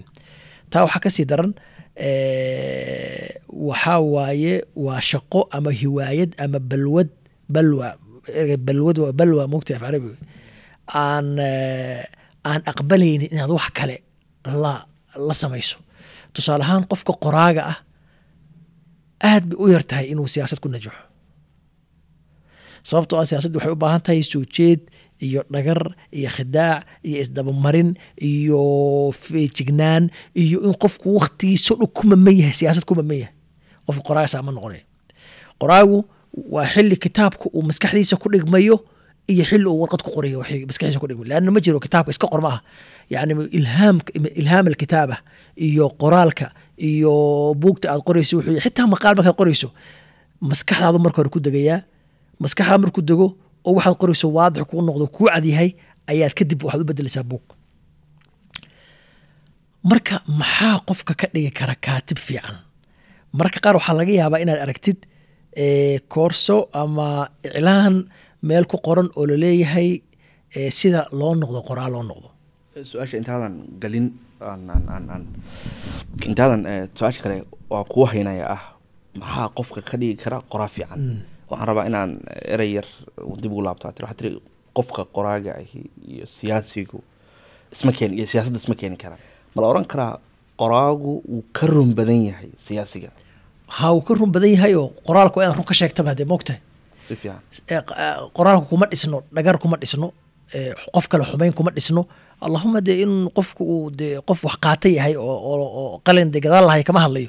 Qofka qoraan ka hadlaya ee- u banbaxay inuu wax qoro. Wuxuu qorayo waa wax isagu u arka inay xaqiiqo tahay. Yani xaqiiqaday taado way ka duwan tahay. Ani waxaan u arkaa xaqiiqo biyo kama dhibcaana lama taabtaana ayaa adig kula waxaan xaqiiqo ahayn. Taa kama hadlayo. Laakiin waa inuu qanaacadiisa ku qanacsan in waxaan wax xaqiiqa yahay. Siyaasigu saa maaha waxaa laga yaaba haddaan siyaasi ahay anoo og caftaax inaad tahay nin wanaagsan nin fiican ayaa laga yaabaa inaan shaqadii kaa qaado inaan shaqo ku siin bal inaan lagu dila laga yaabaa. Adoo og inaad tahay nin fiican eh, ka duwan tahay. Waxay kaloo u baahan tahay qofku waktigiisa waxa uu qabanayo inuu waktigiisa geliyo ayuu u baahan yahay. Qoraa ma, noqonayso inaan qoraa ahaado walidaalika ay siyaasiyiintu markay buuq qorayaan siyaasiyiintu markay buuq qorayaan waxay qoraan markay siyaasadda ka baxaan. Laba arrimood ayaa arrintaas sabab u ah dadkan sabab kale ku daraan. Ta koobaad qofku intuu siyaasadda ku jiro kama rusheegi karo qoraalkiisa. Yacni tusaale ahaan dowlado xiri la leeyahay shakhsiyaad buu xiri la damac siyaasadeed ayuu leeyahay oo hadduu run sheego eh, dhib u geysanaya. Taa waa mid. Laba uma tafaruqi karo qofkii. Yani kitaabada waxay u baahan tahay maskaxdaadu in iyadaas ay ku mamantahay u baahan tahay. Haddaad haddii laakiin aad ka dhigtid wax macnaha aad qeyb ka mida waqtiga aad qabatid ibdaaceedu yaraanaya taa waxyaabaha dhibka ka- ay leedahay ka mid tahay ee dadka u keenay in dadka qoraaga ay yaraadaan gaar ahaan bulshooyinka nolosha ku adag tahay. Waa adiga arkayoo bilowgii hadda laba kun iyo shan iyo tobankii aan dhahno laba kun iyo tobankii dadkan iska dhaaf dhalinyarada luqa alcarabi wax ku qoran laba kun iyo shan iyo toban afar iyo toban waxay ahayn bilcasharaat tobanaan toban yani dad aad u badan bay ahaayeen. Maanta imise qof ayaa dadkii ka haray oo wax qora. Dhowr siyaabood baa loo waxaynayaa dhalinyaradaas xilligaas ay wax qorayeen intooda badan ama jaamacaday dhiganayeen oo dad jaamacad ku maqan bay ahayn oo mas'uuliyaad saarnayn ama waxay ahaayeen dad jaamacadaha soo dhameeyaan aan weli reero yeelin oo dhalinyaro ay ahaayeen xilligaas. Markii laakiin muctarak alxayaat markii la galay oo qofkii uu guursaday oo qofkii shaqo uu helay oo mid kale okay, mid shaquu ku daalay. Shaqadii baa awood si dhan mid kale shaqa la'aan ayuu ku daalay. Uu soo qalin wuu joogaa waa shaqa la'aan murugo fii murugo murugo ku dar waa rafaadsan yahay. Qof kale waxaa laga yaabaa in carruur iyo reer iyo wax asagoo iska danyara yani noloshii hirarkii nolosha ayay ka dabaalan waayeen intooda badan.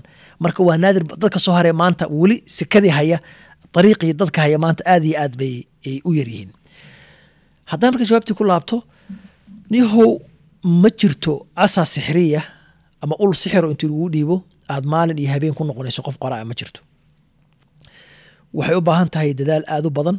Mararkaas anigu waan ku qoslaa markaan arko see seminaar lagu baranay sida qoraa loo noqdo cidna lama bari karo qoraa si loo noqdo.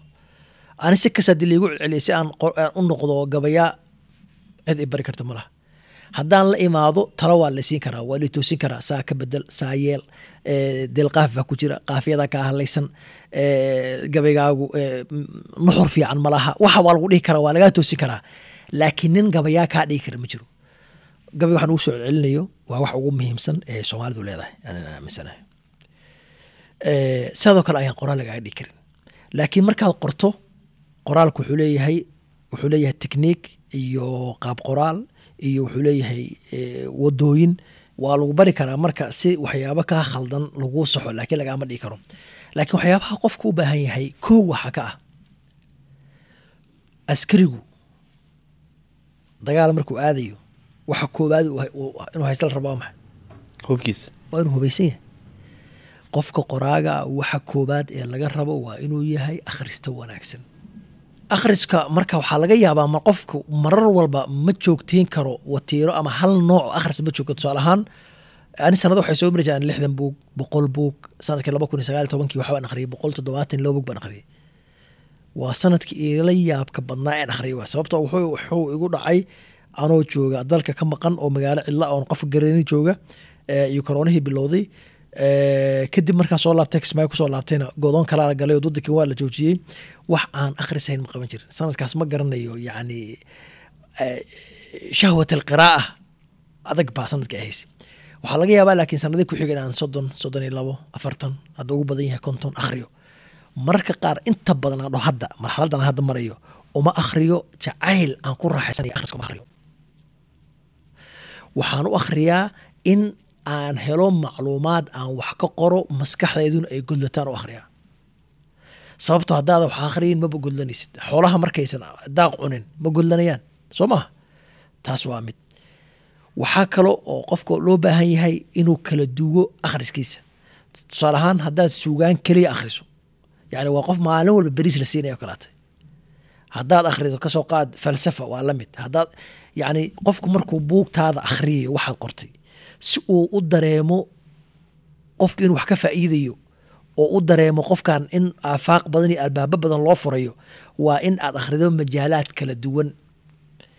Anoo sheeganaynin inaan macnaha aan saas ahay.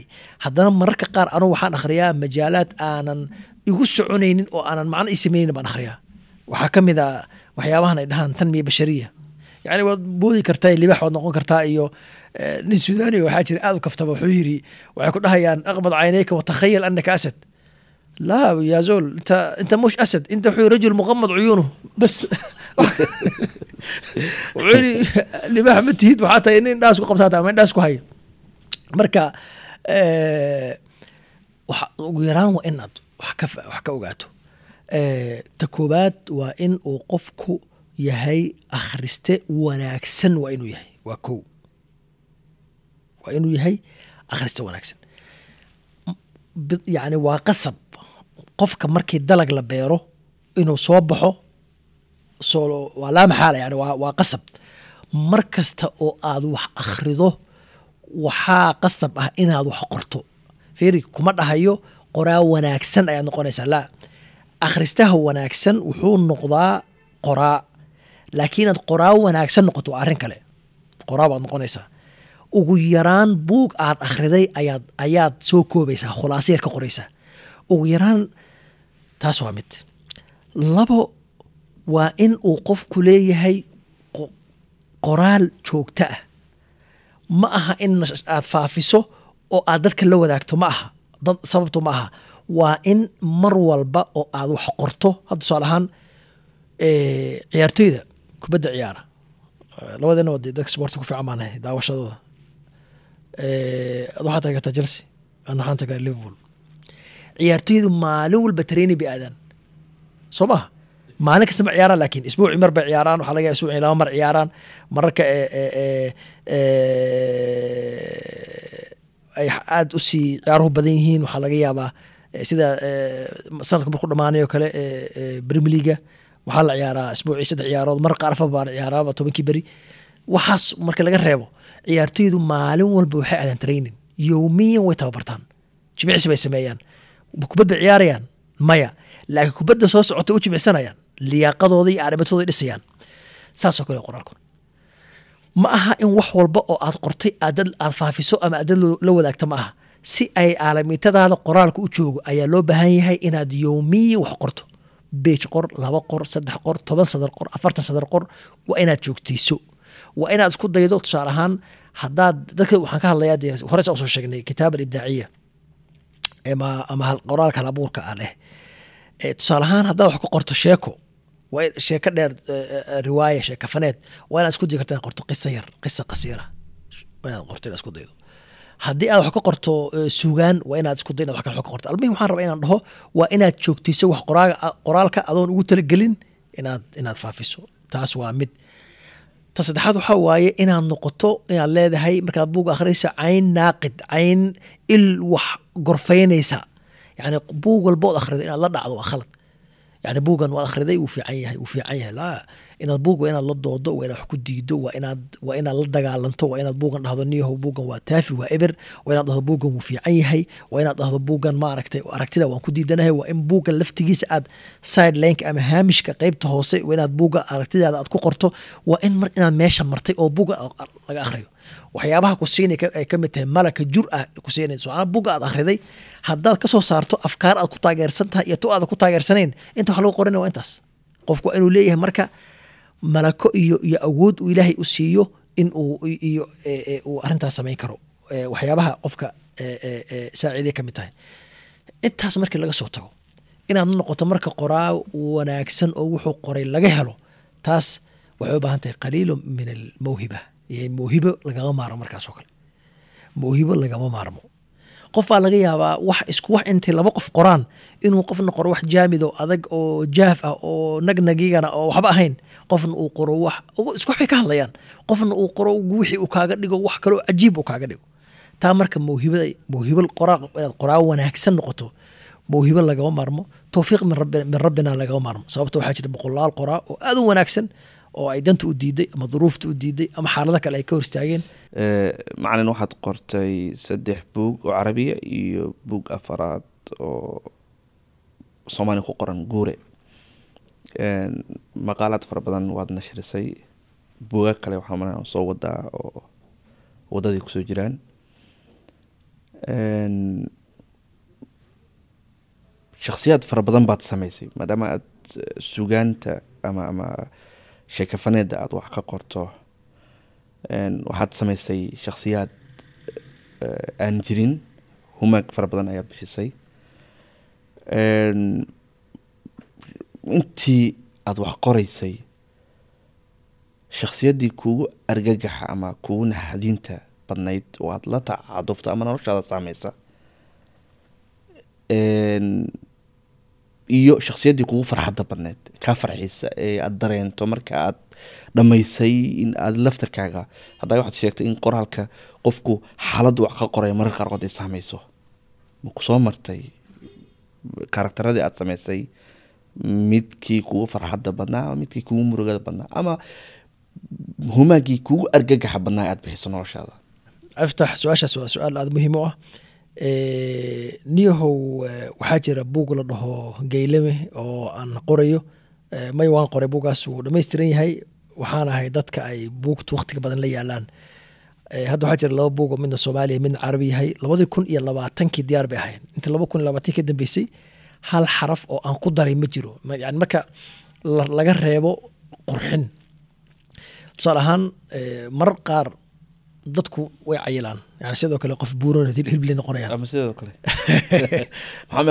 anaa kaa buura labadeen Eh, qofkaas marka wuxuu u baahan yahay si uu rashaaqada iyo quruxu jirkiisa u soo celiyo jiim aad u baahan yahay.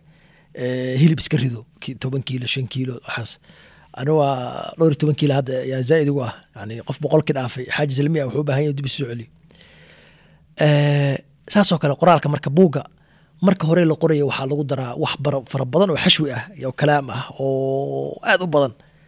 Waxa ugu wanaagsan ee buug qurxiya waa in buugga in lagu ziyaado lagu daro maaha waa in laga laga tirtiro. Yacni buugga marka aad aad dhammaystirto laba boqol oo bej buu noqday marka koobaad qoraalkii koobaad inaad wax ku sii darto waxaa ka qurux badan buugga in waxan aad qortay aad kala haadiso inaad eh, saxar qaado inaad tifatirto inaad qurxiso taana waxay u baahan tahay in sida waxaa weeye qof culays iska dhimayo oo kale. Labadii boqol ugu yaraan afartan konton waa inaad ka jarto buugga wuxuu noqonayaa qof siman sida qof jim aadoo kale oo aan calool weyn iyo eh, buurni iyo meel iyo waxba aan lahayn oo wuxuu noqonayaa oo siman buu noqonayaa. Buugkaas marka geylame wixii intaa ka dambeeyey marka laba kun s- iyo labaatankii wixii ka dambeeyey wax fikrad ah oo aan ku daray ma jirto. Wax aan ka jaray way jiraan. Eh, dadka waxay yihiin kala duwanaan saaxiibnahay baan masaari aan weydiiy maal dhigto wuxuu yidhi anu markaan qorayo eh, yowmiyan waxaan shardi ka dhigtaa inaan qoro kun kelima inaan qoro yowmiyan qaar baan laba ku ka dhigta qaar baan saddex ka dhigta qaar baan xaraf ka dhiganin saacad ka dhigta. Qofku wuxuu leeyahay saddex saacood ayaan guri isku soo xirayaa taleefanada iyo wax kasta oo kale ayaan iska daminayaa. Saddexdaa saacadood waxaan qoro aan qoro. Laba bog aan qoro beej aan qoro saddex aan qoro. Yani qof wax kasta iska qori kara laakiin qoraal aad ku faraxsantaa la rabaa aad ku qanacsan inuu yahay waxaan wax macno leh. Niw aniga saas miihi ani waxaa laga yaabaa inaan hadda aan kula hadlayo. Saacaddu taqriiban waa saacaddu waa waa shantii galabnimo waxaa laga yaabaa hadda inaan fadhiisto beri subaxi waagi markuu beriyo sagaalka subaxnimo aan ka kacsaan u qorayo laga yaabaa. Qoraalka markaan sameeyo aana dib ugu soo noqonin saddex bilood oo soo socota dib ugu soo noqonin baa laga yaabaa. Ma dhacdo ma garanayo noloshayda. Kombyuutarka wax ku qoro wuu soo qaada waa ag yaalaa ishaan mariyaayo habeen aan isha marin ma Eh, erey erey wax ka- wax sax. Anoo iska joogo magaalada maraya ayaa fikrad igu soo dhacaysa. Waxaan wataa qalin qalin baan wataa hadda waa ka. Eh, qalin lagama waayo jeebkayga. Eh, qalinkii ayaan ku qoranayaa mararka qaar waxaan ku qoraa mobilkaygaan ku qortaa. Mararka qaar haddaan ka gaari waayo xitaa calaacashay sacabkaygaan ku qortaa fikradaasaa igu soo dhacdaan yaan ku daraya marka. Eh, filim baan daawanayaa filimkan daawanaya ayaa waxaa iga soo dhexbaxaya fikrad. Fikraddaas way anfacaysaa. Waxaa laga yaabaa inaan buuggay uga faa'iidaysto waxaa laga yaabaa buug baan akhriyey waan safray odayaal baan la sheekaystay. Eh, meel baan maray. Waxyaabahaas igu soo dhacayaa laga yaabaa inay inaan ku daro. Laakiin fikrahaan waa dhammaystiran tahay. Buuggaas gaylame wuxuu ka bilaabanayaa mashhad xasiin yani muuqaal aad u murugo badan ayuu ka bilaabanayaa. Wuxuu ka bilaabanayaa eh, atooraha sheekada oo xabsi ku jiro ka bilaabanaya askari waaye. Waxaa lagu soo eedeynayaa khiyaamo qaran si dulmi ah. Kadibna waxaa lagu xukumayaa in la dilo. Waa cutubka koowaad ee buugga waa koo labaatan bog koo iyo labaatanka bog afcaal waxaa la adab sujuun ama sugaanta xabsiga ama jeelasha. Buugtii aan akhriyay waxaa ka mid ahaa buug uu nin kuweytiyaan leeyahay la dhaho khalfa al- alaslaak ashaa'ika shan iyo toban sano ayuu ku jiray xabsi maraykan. Qiso dulmi ah ayaa lagu xiray. Intaas waxay ahayd marka inaan buugtaas u akhriyay ama filimada u daawanayey ama xitaa dad la xiray aan la sheekaystay. Ugu yaraan dhowr qof ayaan la sheekaystay oo la xiray. Oo nin aan saaxiib nahay oo dad aad u naxariisan oo weliba xireen oo la cadaabay oo jirkiis intii booga loo yeelay. Markii loo imanayo ee la wareysanayo boogti farta saas loo sii jirka intii booga loo yeelay nin waxay ama qori wataan. Yani halkaasaa qofkii booga laga dhigayaa marka la imanayo qoriga halkaa laga gelinayaa. Yani dadkaas dhan wareystay sheekada marka iiga muruga badan aan sameeyey waxaa la ninkaas eh, filinkaas ama yani sheekadaas buugga geelame muuqaalkaas uu ka bilaabanayo asagoo xiran. Eh, koo iyo labaatanka bage markaan qoray aad ayaan u naxay yani waxay igu riday murugo walbahaar marar qaar inuu yahay qofkan qof run ah yani eh, waxaa la dhahaa mararka qaar eh, qofka qoraaga ah. Eh, dumar waxaa jira dadka weliba qora riwaayaadka iyo qisaska jacaylka qora. Gabdhaha waxaa laga yaabaa ama dumarka qaarkii inay u fahmaan inuu qofki yahay qof jacayl ku fiican qof caashiq ah qof qalbigiisu jacayl ka buuxo. Waxaa laga yaaba gabadh inay ninkii calaaqa dhex marto ama isguursadaan qofki wuxuu soo baxayaa qof jaaf ah qof ingegan qof aan jacayl waxba ka garanaynin markaasaa le xaggee ayuu dhibku ka jiraa. Qofkan saa u qorayo qoraha quruxda iyo jacaylka iyo maxabada iyo kalgacaylka iyo qalbi wanaaga iyo naxariista nolosha caadiga ahaydna qofkan kadkakana aga waxaa la qofka qoraaga ah wuxuu daacad u yahay shakhsiyaadka ku jira buugtiisa ee daacaduma shakhsiyaadka caadiga u nool. Yacni gabadhuu qurxinayo wiilkuu wanaajinayo odayguu jecel yahay hooyaduu jecel yahay waxaasoo dhan waa shakhsiyaadka iftiraadiga ee runta ahayn ee ku jira buuggiisa waxaa xitaa marar qaar waxay gaarsiiyaan qofka shakhsiyaddu asagoo abuuro kaba soo qaad actor qof baa sheekadii ku socotaa gabar buu jeclaanayaa. Gabadha yaa sameynaya. Qofka qoraaga ah. Waxaa laga yaaba mararka qaar oo dhahay in qofka qoraaga uu ka masayro ninka uu sameeyey isaga gabadha yani xiriir ka dhex maray saa darteed qofka qoraaga wuxuu daacad u yahay naska isaga qorayo qoraalkiisu daacad u yahay daacad umaha qofkan kale waxaa laga yaaba marka markii ninkii markay ninkii ay gabadh xiriir la samaysay ama uu guursado waxaa laga yaabaa in wixii buugta ku qoraa ay weydo. Wa daa'iman arrintaasna waa arrin khatar ah. Yani in badanoo naga mid ah. Dad waxay u fahmayaan qofka sheekooyinka jacaylka ama waxyaabaha qora in noloshiisa waa tahay laa abadan ma aha. Waxaa jira qoraa markaad buuggiisa akhriyayso jacaylka iyo wanaaga iyo riqada iyo cuduubada iyo macaanka iyo naxariista iyo romansiyaad ka buux ayaabaysid. Noloshiisana aan weligii qof xitaa ku dhiwan ku jeclahay. Ha marka waxaa kaloo dhahaa badanaa qofka noocaas qora nolosha xaqiiqiga ahayd ayuu waayey jacayl. Markaasuu isagu samaystay qofka sida caadiga u haysta jacayl u haysta qalbigiis jacayl ka buuxo qofkaas jacayl la samaysan kara ee gabadhaan jeclaan kara ee walaaladiis fiican u jeclaan kara ee saaxiibadii qofkaas uma, baahnaba inuu jacayl abuuro mogtooda nolosha caadiga ka buuxda marka niyahow mashadkii qofkii igu adka wuxuu ahaa buuggaas geeliyo markaan qorayey aad ayuu muuqaalka ii dhibay ko iyo labaatanka beej aad bay u muruga badan yihiin qof eh, xiran xuquuq lahayn xoriyaad lahayn xilliguu raba seexan karin leanna waa- saan hore u soo sheegnay xabsigu waa nooc min alcubudiya waa adoonsi xilligaa doonta ma seexan kartid saa doon uma seexan kartid dharkaa doonta ma xiran kartid. Fiiri waxyaabaha ugu yar ee xabsigu uu leeyahay waxaa waaye in dhar isu wada eg maxaabiista loo geliyo qofka sajaanka ah ee askariga ah ama dadka xiraya uu dhar gooni ah qabo waxa- waxaa weeye kulligiin waa wada siman tihiin la xiran yahay fawaariqda oo dhan iyo kala duwanaansho way baxayaan. Madow cadaan dheeraan gaabni buuri aqoon aqoon la'aan nin xoog badan nin dhuuban kulligiin farqi ma lehdiin yani ilaahay wuxuu ku siiyey miisu ku siiyey karaamu ilahay ku siiyey. Labadeenu hadda waxbaan ku kala duwannahay waxbaad igaga fiican tahay waxbaan kaaga fiicnahay waxbaa eh, meel baad iga qurux badan tahay meel baan kaaga qurux badnahay waxbaad igaga wanaagsan tahay waxbaan kaaga wanaagsanahay markiina la xiro taas waa nolosha xitaa dadkan u kala dooranayaan qof aa laga yaabaa inaan ila saaxiibo waxaa laga yaaba qof idin kula saaxiibo gabar baan isguursanaynaa bimuwasafaat mucayana adi gabar baa isguursan bimuwasafaat gaara. Laakiin markaan dhar isu wada xiranno isku meel degannahay isku nooc nahay ma kala duwan kala duwanaansho ilahay bini aadanka u sameeyey. U fiirsa ergaas waa eri weyn. Kala duwanaansho ilaahay bini aadanka u sameeyey ayaa xabsigu ku diidaya qof baa tusaale ahaan hurdo inuu sideed saac jiifo mooyaan ka dhargin. Qof baa laga yaaba toban daqiiqa hadduu jiifo inuu ka dhargo. Kulli isku xilli baa la seexinaya isku xilli baa la kicinaya marka sheekadaas aad bay runtii ii dhibtay. Aad iyo aad. Mashhad ama aan aan aan aan shakhsiyad aan sameeyin ku farxay waxaa weeye buga guure.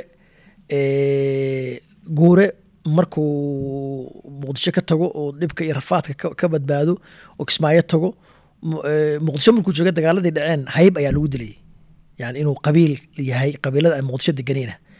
Wuu baxay jidka kismaayo muqdisho udhexeeye bixiyay jidka geerida ayuu marayaa dagaalo badan baa dhacaya dad badan oo dadkii muqdisho asaga ku dilayey ah ayaa jid- jidka la sii mariya iyagii lagu dilaya iyagoo hayb loo dilayo. Asaga markii muqdisho waxa lagu yeelayay wuu dulmanaa dadkan la layanayana way dulman yihiin. Mid kasta waxaa loo dilayaa qabiil uu asaga waxba ka gelin uu dooranin inuu noqdona aan waxba laga weydin ayaa lagu dilayaa. Wuu baxayaa kismaayo tegaya kismaayo markuu tago waxaa kismaayo markaa ka talinaya dadkii haybta uu ahaa ayaa ka talinaya kismaayo. Waxay ahayd marka maadaama muqdisho lagu dilay inuu ekis yahay markuu kismaayo tago oo ekis wada joogaan in la daaye ahayd lama daynayo. Iyagii ayaa issii dilaya issii dagaalamaya. De qabiilku ma ogtahay maanta markaan eh, la- labadeen laba reer kala duwan nahay reerkaa way si kala qaybsamayaan. Marka wuxuu isweydiinayaa haddii inaan reer hebel muqdisho lagu dilayay halkan markaan imid reerkii ay is dilayaan iyagii maxaa xal uga baxaya? Wuxuu tegayaa nairobi. Nairobi dee sagaashan kowgii xilligan buuga sawirayo aad u adag eh, laaluushka ciidanka eh, bahdilka dhibaatada soomaalida waxyaaba badan. Qaxootikaa kumuu tegaya qaxootiga markuu tago gabadh zamzam ayay isbaranayaan. Meeshaas waa meesha soomaalidu ay badanaa u kala soconayn. Ninkaas wuxuu dhashay lixdan iyo sideedii buu dhashay. Qof qof baan is arkaynaa oo ni nigi buugi guuraan akhriyey buugad wuxuu qoranyay si anaa subxaan- waxaan tegey waxaan cunay waxaan maray waan seexday. Sheeko eh, eh, mutakalima anaa hadlaya. Marka qofka aan eh, fan riwaayaat ama sheeko faneedka aad ugu baxsanayn wuxuu u malaynayaa qofkan inuu adiga yahay qofaa dhahay warniho nin yar baad u eg tahay lixdan iyo sideed aad dhalatay maasha allah warni cimriga ilaahi kuu barakeeyey qaar baa ku dhahay. Qaar baa dhahay warniho gabadhii zamzam ahayd. Aweyniyo xagay ku maqatay? Sheeko fiican ba ka dhex sameeyey zamzam iyo guure warniho wallaahi gabadhaas gabar fiican bay niho xagay ku dambeysay. Qaar baa ku weydiinaya sheeko kaloo mu'ri baa jirtay. Eh, eh, guuro waxay guuro waxay saaxiib yihiin cabdiqaadir cabdiqaadir qaxootiga ku wada nool yihiin cabdiqaadir reer buu leeyahay guuro reer ma laha. Cabdiqaadir nolosha ku adkayd eh, gabar cawal cawal u dhalayaa cawo iyo cabdiqaadir waxay aadayaan australia. Ninkana maraykan baa loo qaadaya. Markay kala tegayaan ee cawo adeerkeed guuro ay macsalaameynayso mashad xasiin ah. Aad u murugo badan qaar baa ku dhahay nin aan jiib ku arkayo wani horta gabadhii cawo ay horta niyo xaggee aadi. Qaar baa ku dhahay horta niyo cabdiqaadirka aad tiri wuxuu ka imaaday buulamareer iyo kuntuwaari midkood baan iri niyahow yuu ahaa. Yaa lagu weydiinaya. Yaa lagu weydiinaya. Okay marka markuu qaxootiga tegey gabar zamzam la baranayaan guure zamzam buu guursanayaa marka ani waxaan rabay inaan marka hore ka dhigo zamzam iyo guure inay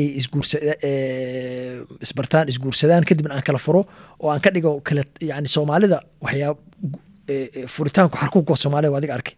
Waxyaabaha keenaya waxaa ka mid ah qaab nololeedkii yacni laba qof baa isguursanaya labadii qof qofna laba wadan oo kale fog bay ku nool yihiin laba wadan oo kale fog bay aadayaan dantii duruuftii ayaa eh, isu keeni waa kadib dee nolosha iska adkaan dadki way kala tegayaan. Saasaan rabay inaan ka dhigo marka hore. Laakiin intaan qoreeyey ayaa waxaan ka dhex dhaliyey sheeko jacayla oon ugu talagelin marka hore. Ayaan ka dhex abuuray. Sheekadii jacaylkaan ka dhex abuuray marar qaar waxaa jirta dadku labay kala duwan yihiin. Qof baa sheekada inta uusan qorin ayuu dejinayaa wax kasta oo ku saabsan.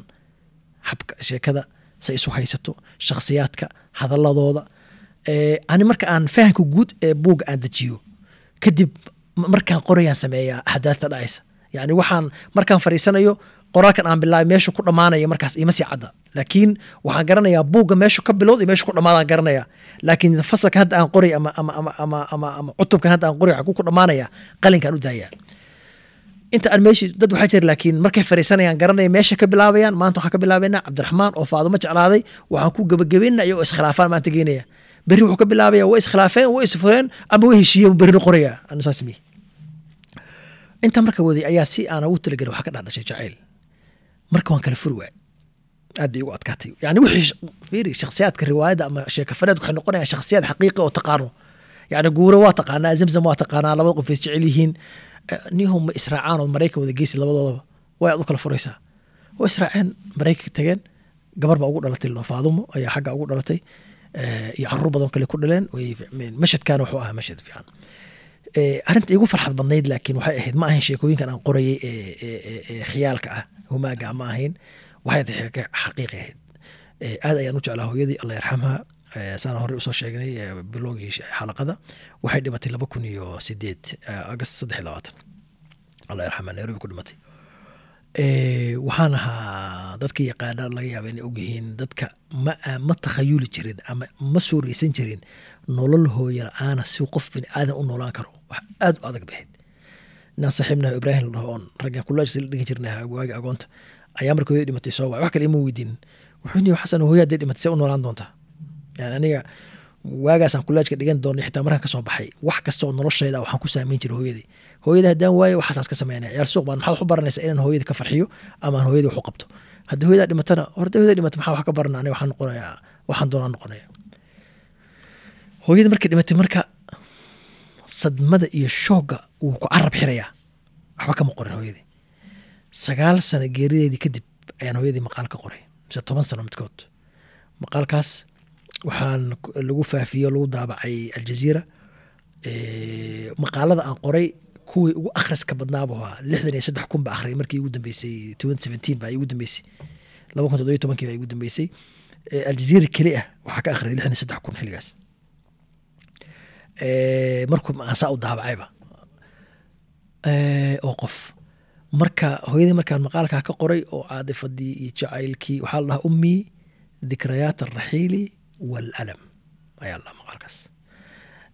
Saan u jeclaa iyo hooyadii agoonnimo nagu soo korisay aada u rafaad badan saboolnimo aada u rafaaday lix qof oo isuma qada ah oo aan waxba haysanin oo nolosha ku adag tahay soo korisay.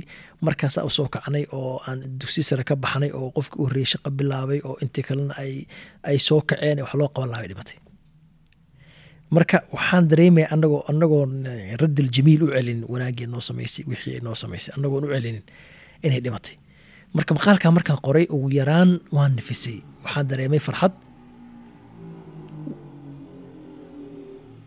waxaan dareemay in ugu yaraan deyn laygu lahaa. Aan gudaan dareemay. Maqaalka marka u farxad badnaa ee markaan qoray aan irtiyaaxay kaasoo ah. Waxaad ka sheekaysay sheekadii gaylamo iyo xiriirka ay la leedahay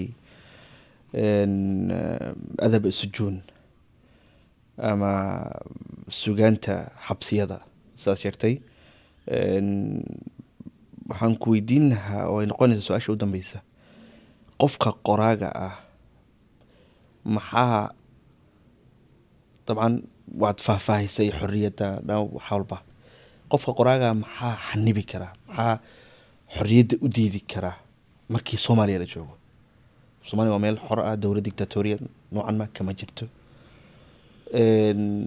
dhalinyaro badan baa soo baxday waxyaalo fara badan baa la qoraa wax taya leh iyo waxaan taya lahaynba wax ceeb ah iyo waxaan ceeb ahaynba wax qiyamka iyo soomaalinimada iyo diinta ka soo horjeeda iyo did ku ah iyo dhanka kale waxa xagjirnimo faafinaya ee waxa weye cunfi iyo dagaal iyo colad ustad waa mahadsan tahay in badan oo niho aniga iga aan nolosheyda ma dareemayo qoyuud ma dareemayo.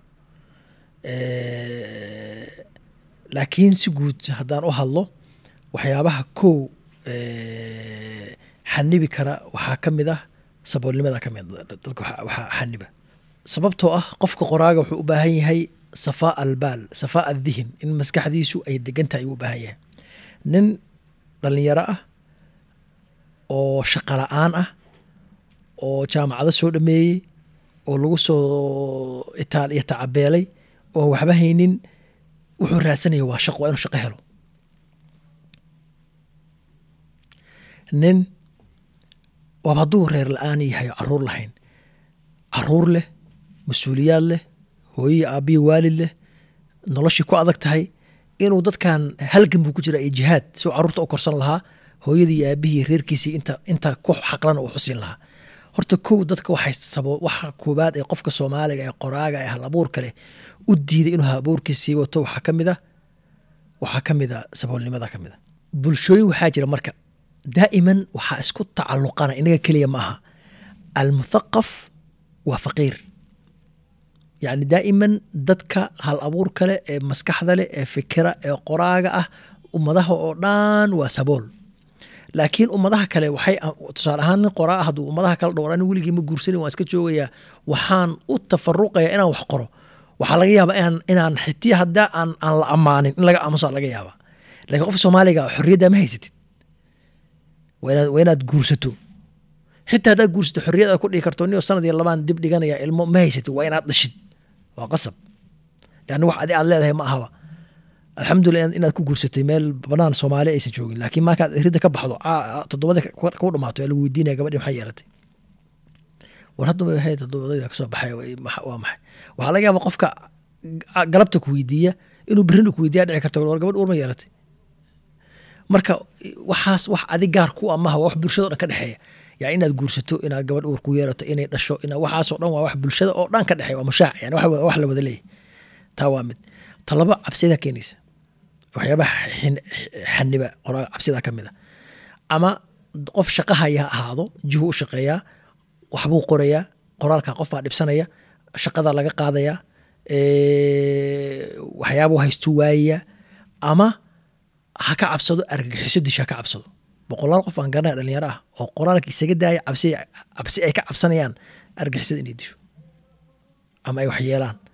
Qofkii nabadgelye ma haysto meeluu ku noolaada ma haysto dowlad iyo meel ma garanaysaa amnigaho uu ka tirsan yahay ma jirto. Yani qofki qof banaanka jooga waa makshuuf meel walbu iska maraa xilli walba wax la gaarsiin karaa. Marka cabsi uu naftiisa iyo ehelkiisa u baqayo dad isaga daayena way jiraan. Qaar waxaa jirta manaasibta iyo iyo iyo mashaakilku ay siyaasaddu ay xanibeen ayaa jira. Qoraa fiicana si fiican wuxuu qoraya mansab buu qabanayaa qalinkiisa wuu joogsinaya sababtoo qofku markuu xil fiiri suldada markaad dhamiso waxa kaloo dhan waa ilaaweysaa yani iskumana dulqaadi karta horaan kugu sheega qoraalku ma aqbalayo in uu wax lala qabo ma aqbalayo. In wax lala gursado in wax la noolaado ma aqbalayo qoraalku. Qoraalku waa inaad u tafaruqdo yani si aad xorriyad u sheegto in badan oo ka mid a saan sheegnay qoraalada iyo dadka mufakiriinta waxay sabool u ahaayeen. Waxay ahayd inay xorriyad xor u noqdaan wax ay qorayaan iyo qofka dhaliilayaan iyo qofkii naqdinaya qof wax ka sheegayaan. Marka niyahow caqabadahaas iska jirta. Caqabada ka mid a dadka soomaalida waan la qabaa laakiin waxaan filayaa dadka ugu sahlan ee caqabad la'aanta kula nool ayaan ayaanahay ha noqoto dabiicat alcamal aan qabanayo ama ha noqoto aniga qaab takwiinka fikirkayga. Ha noqoto ama sida aan u noolay ha noqote waxaan filayaa in aan anuma dareemayo quyuud badan oo oo xiraysa ma dareemayo. Weli waxaan damcaynaa ma isdhihin ma isdhihin culayskaasaa jiray dibdhigo. Yani kulel makhaawif waxaas laga cabsanayo dhan hadday dowlad noqoto waa naqdini hadday noqoto xarakaad argixisa waa naqdini hadday noqoto wax kasta waa ka qornay ma filayana cabsina ma filayo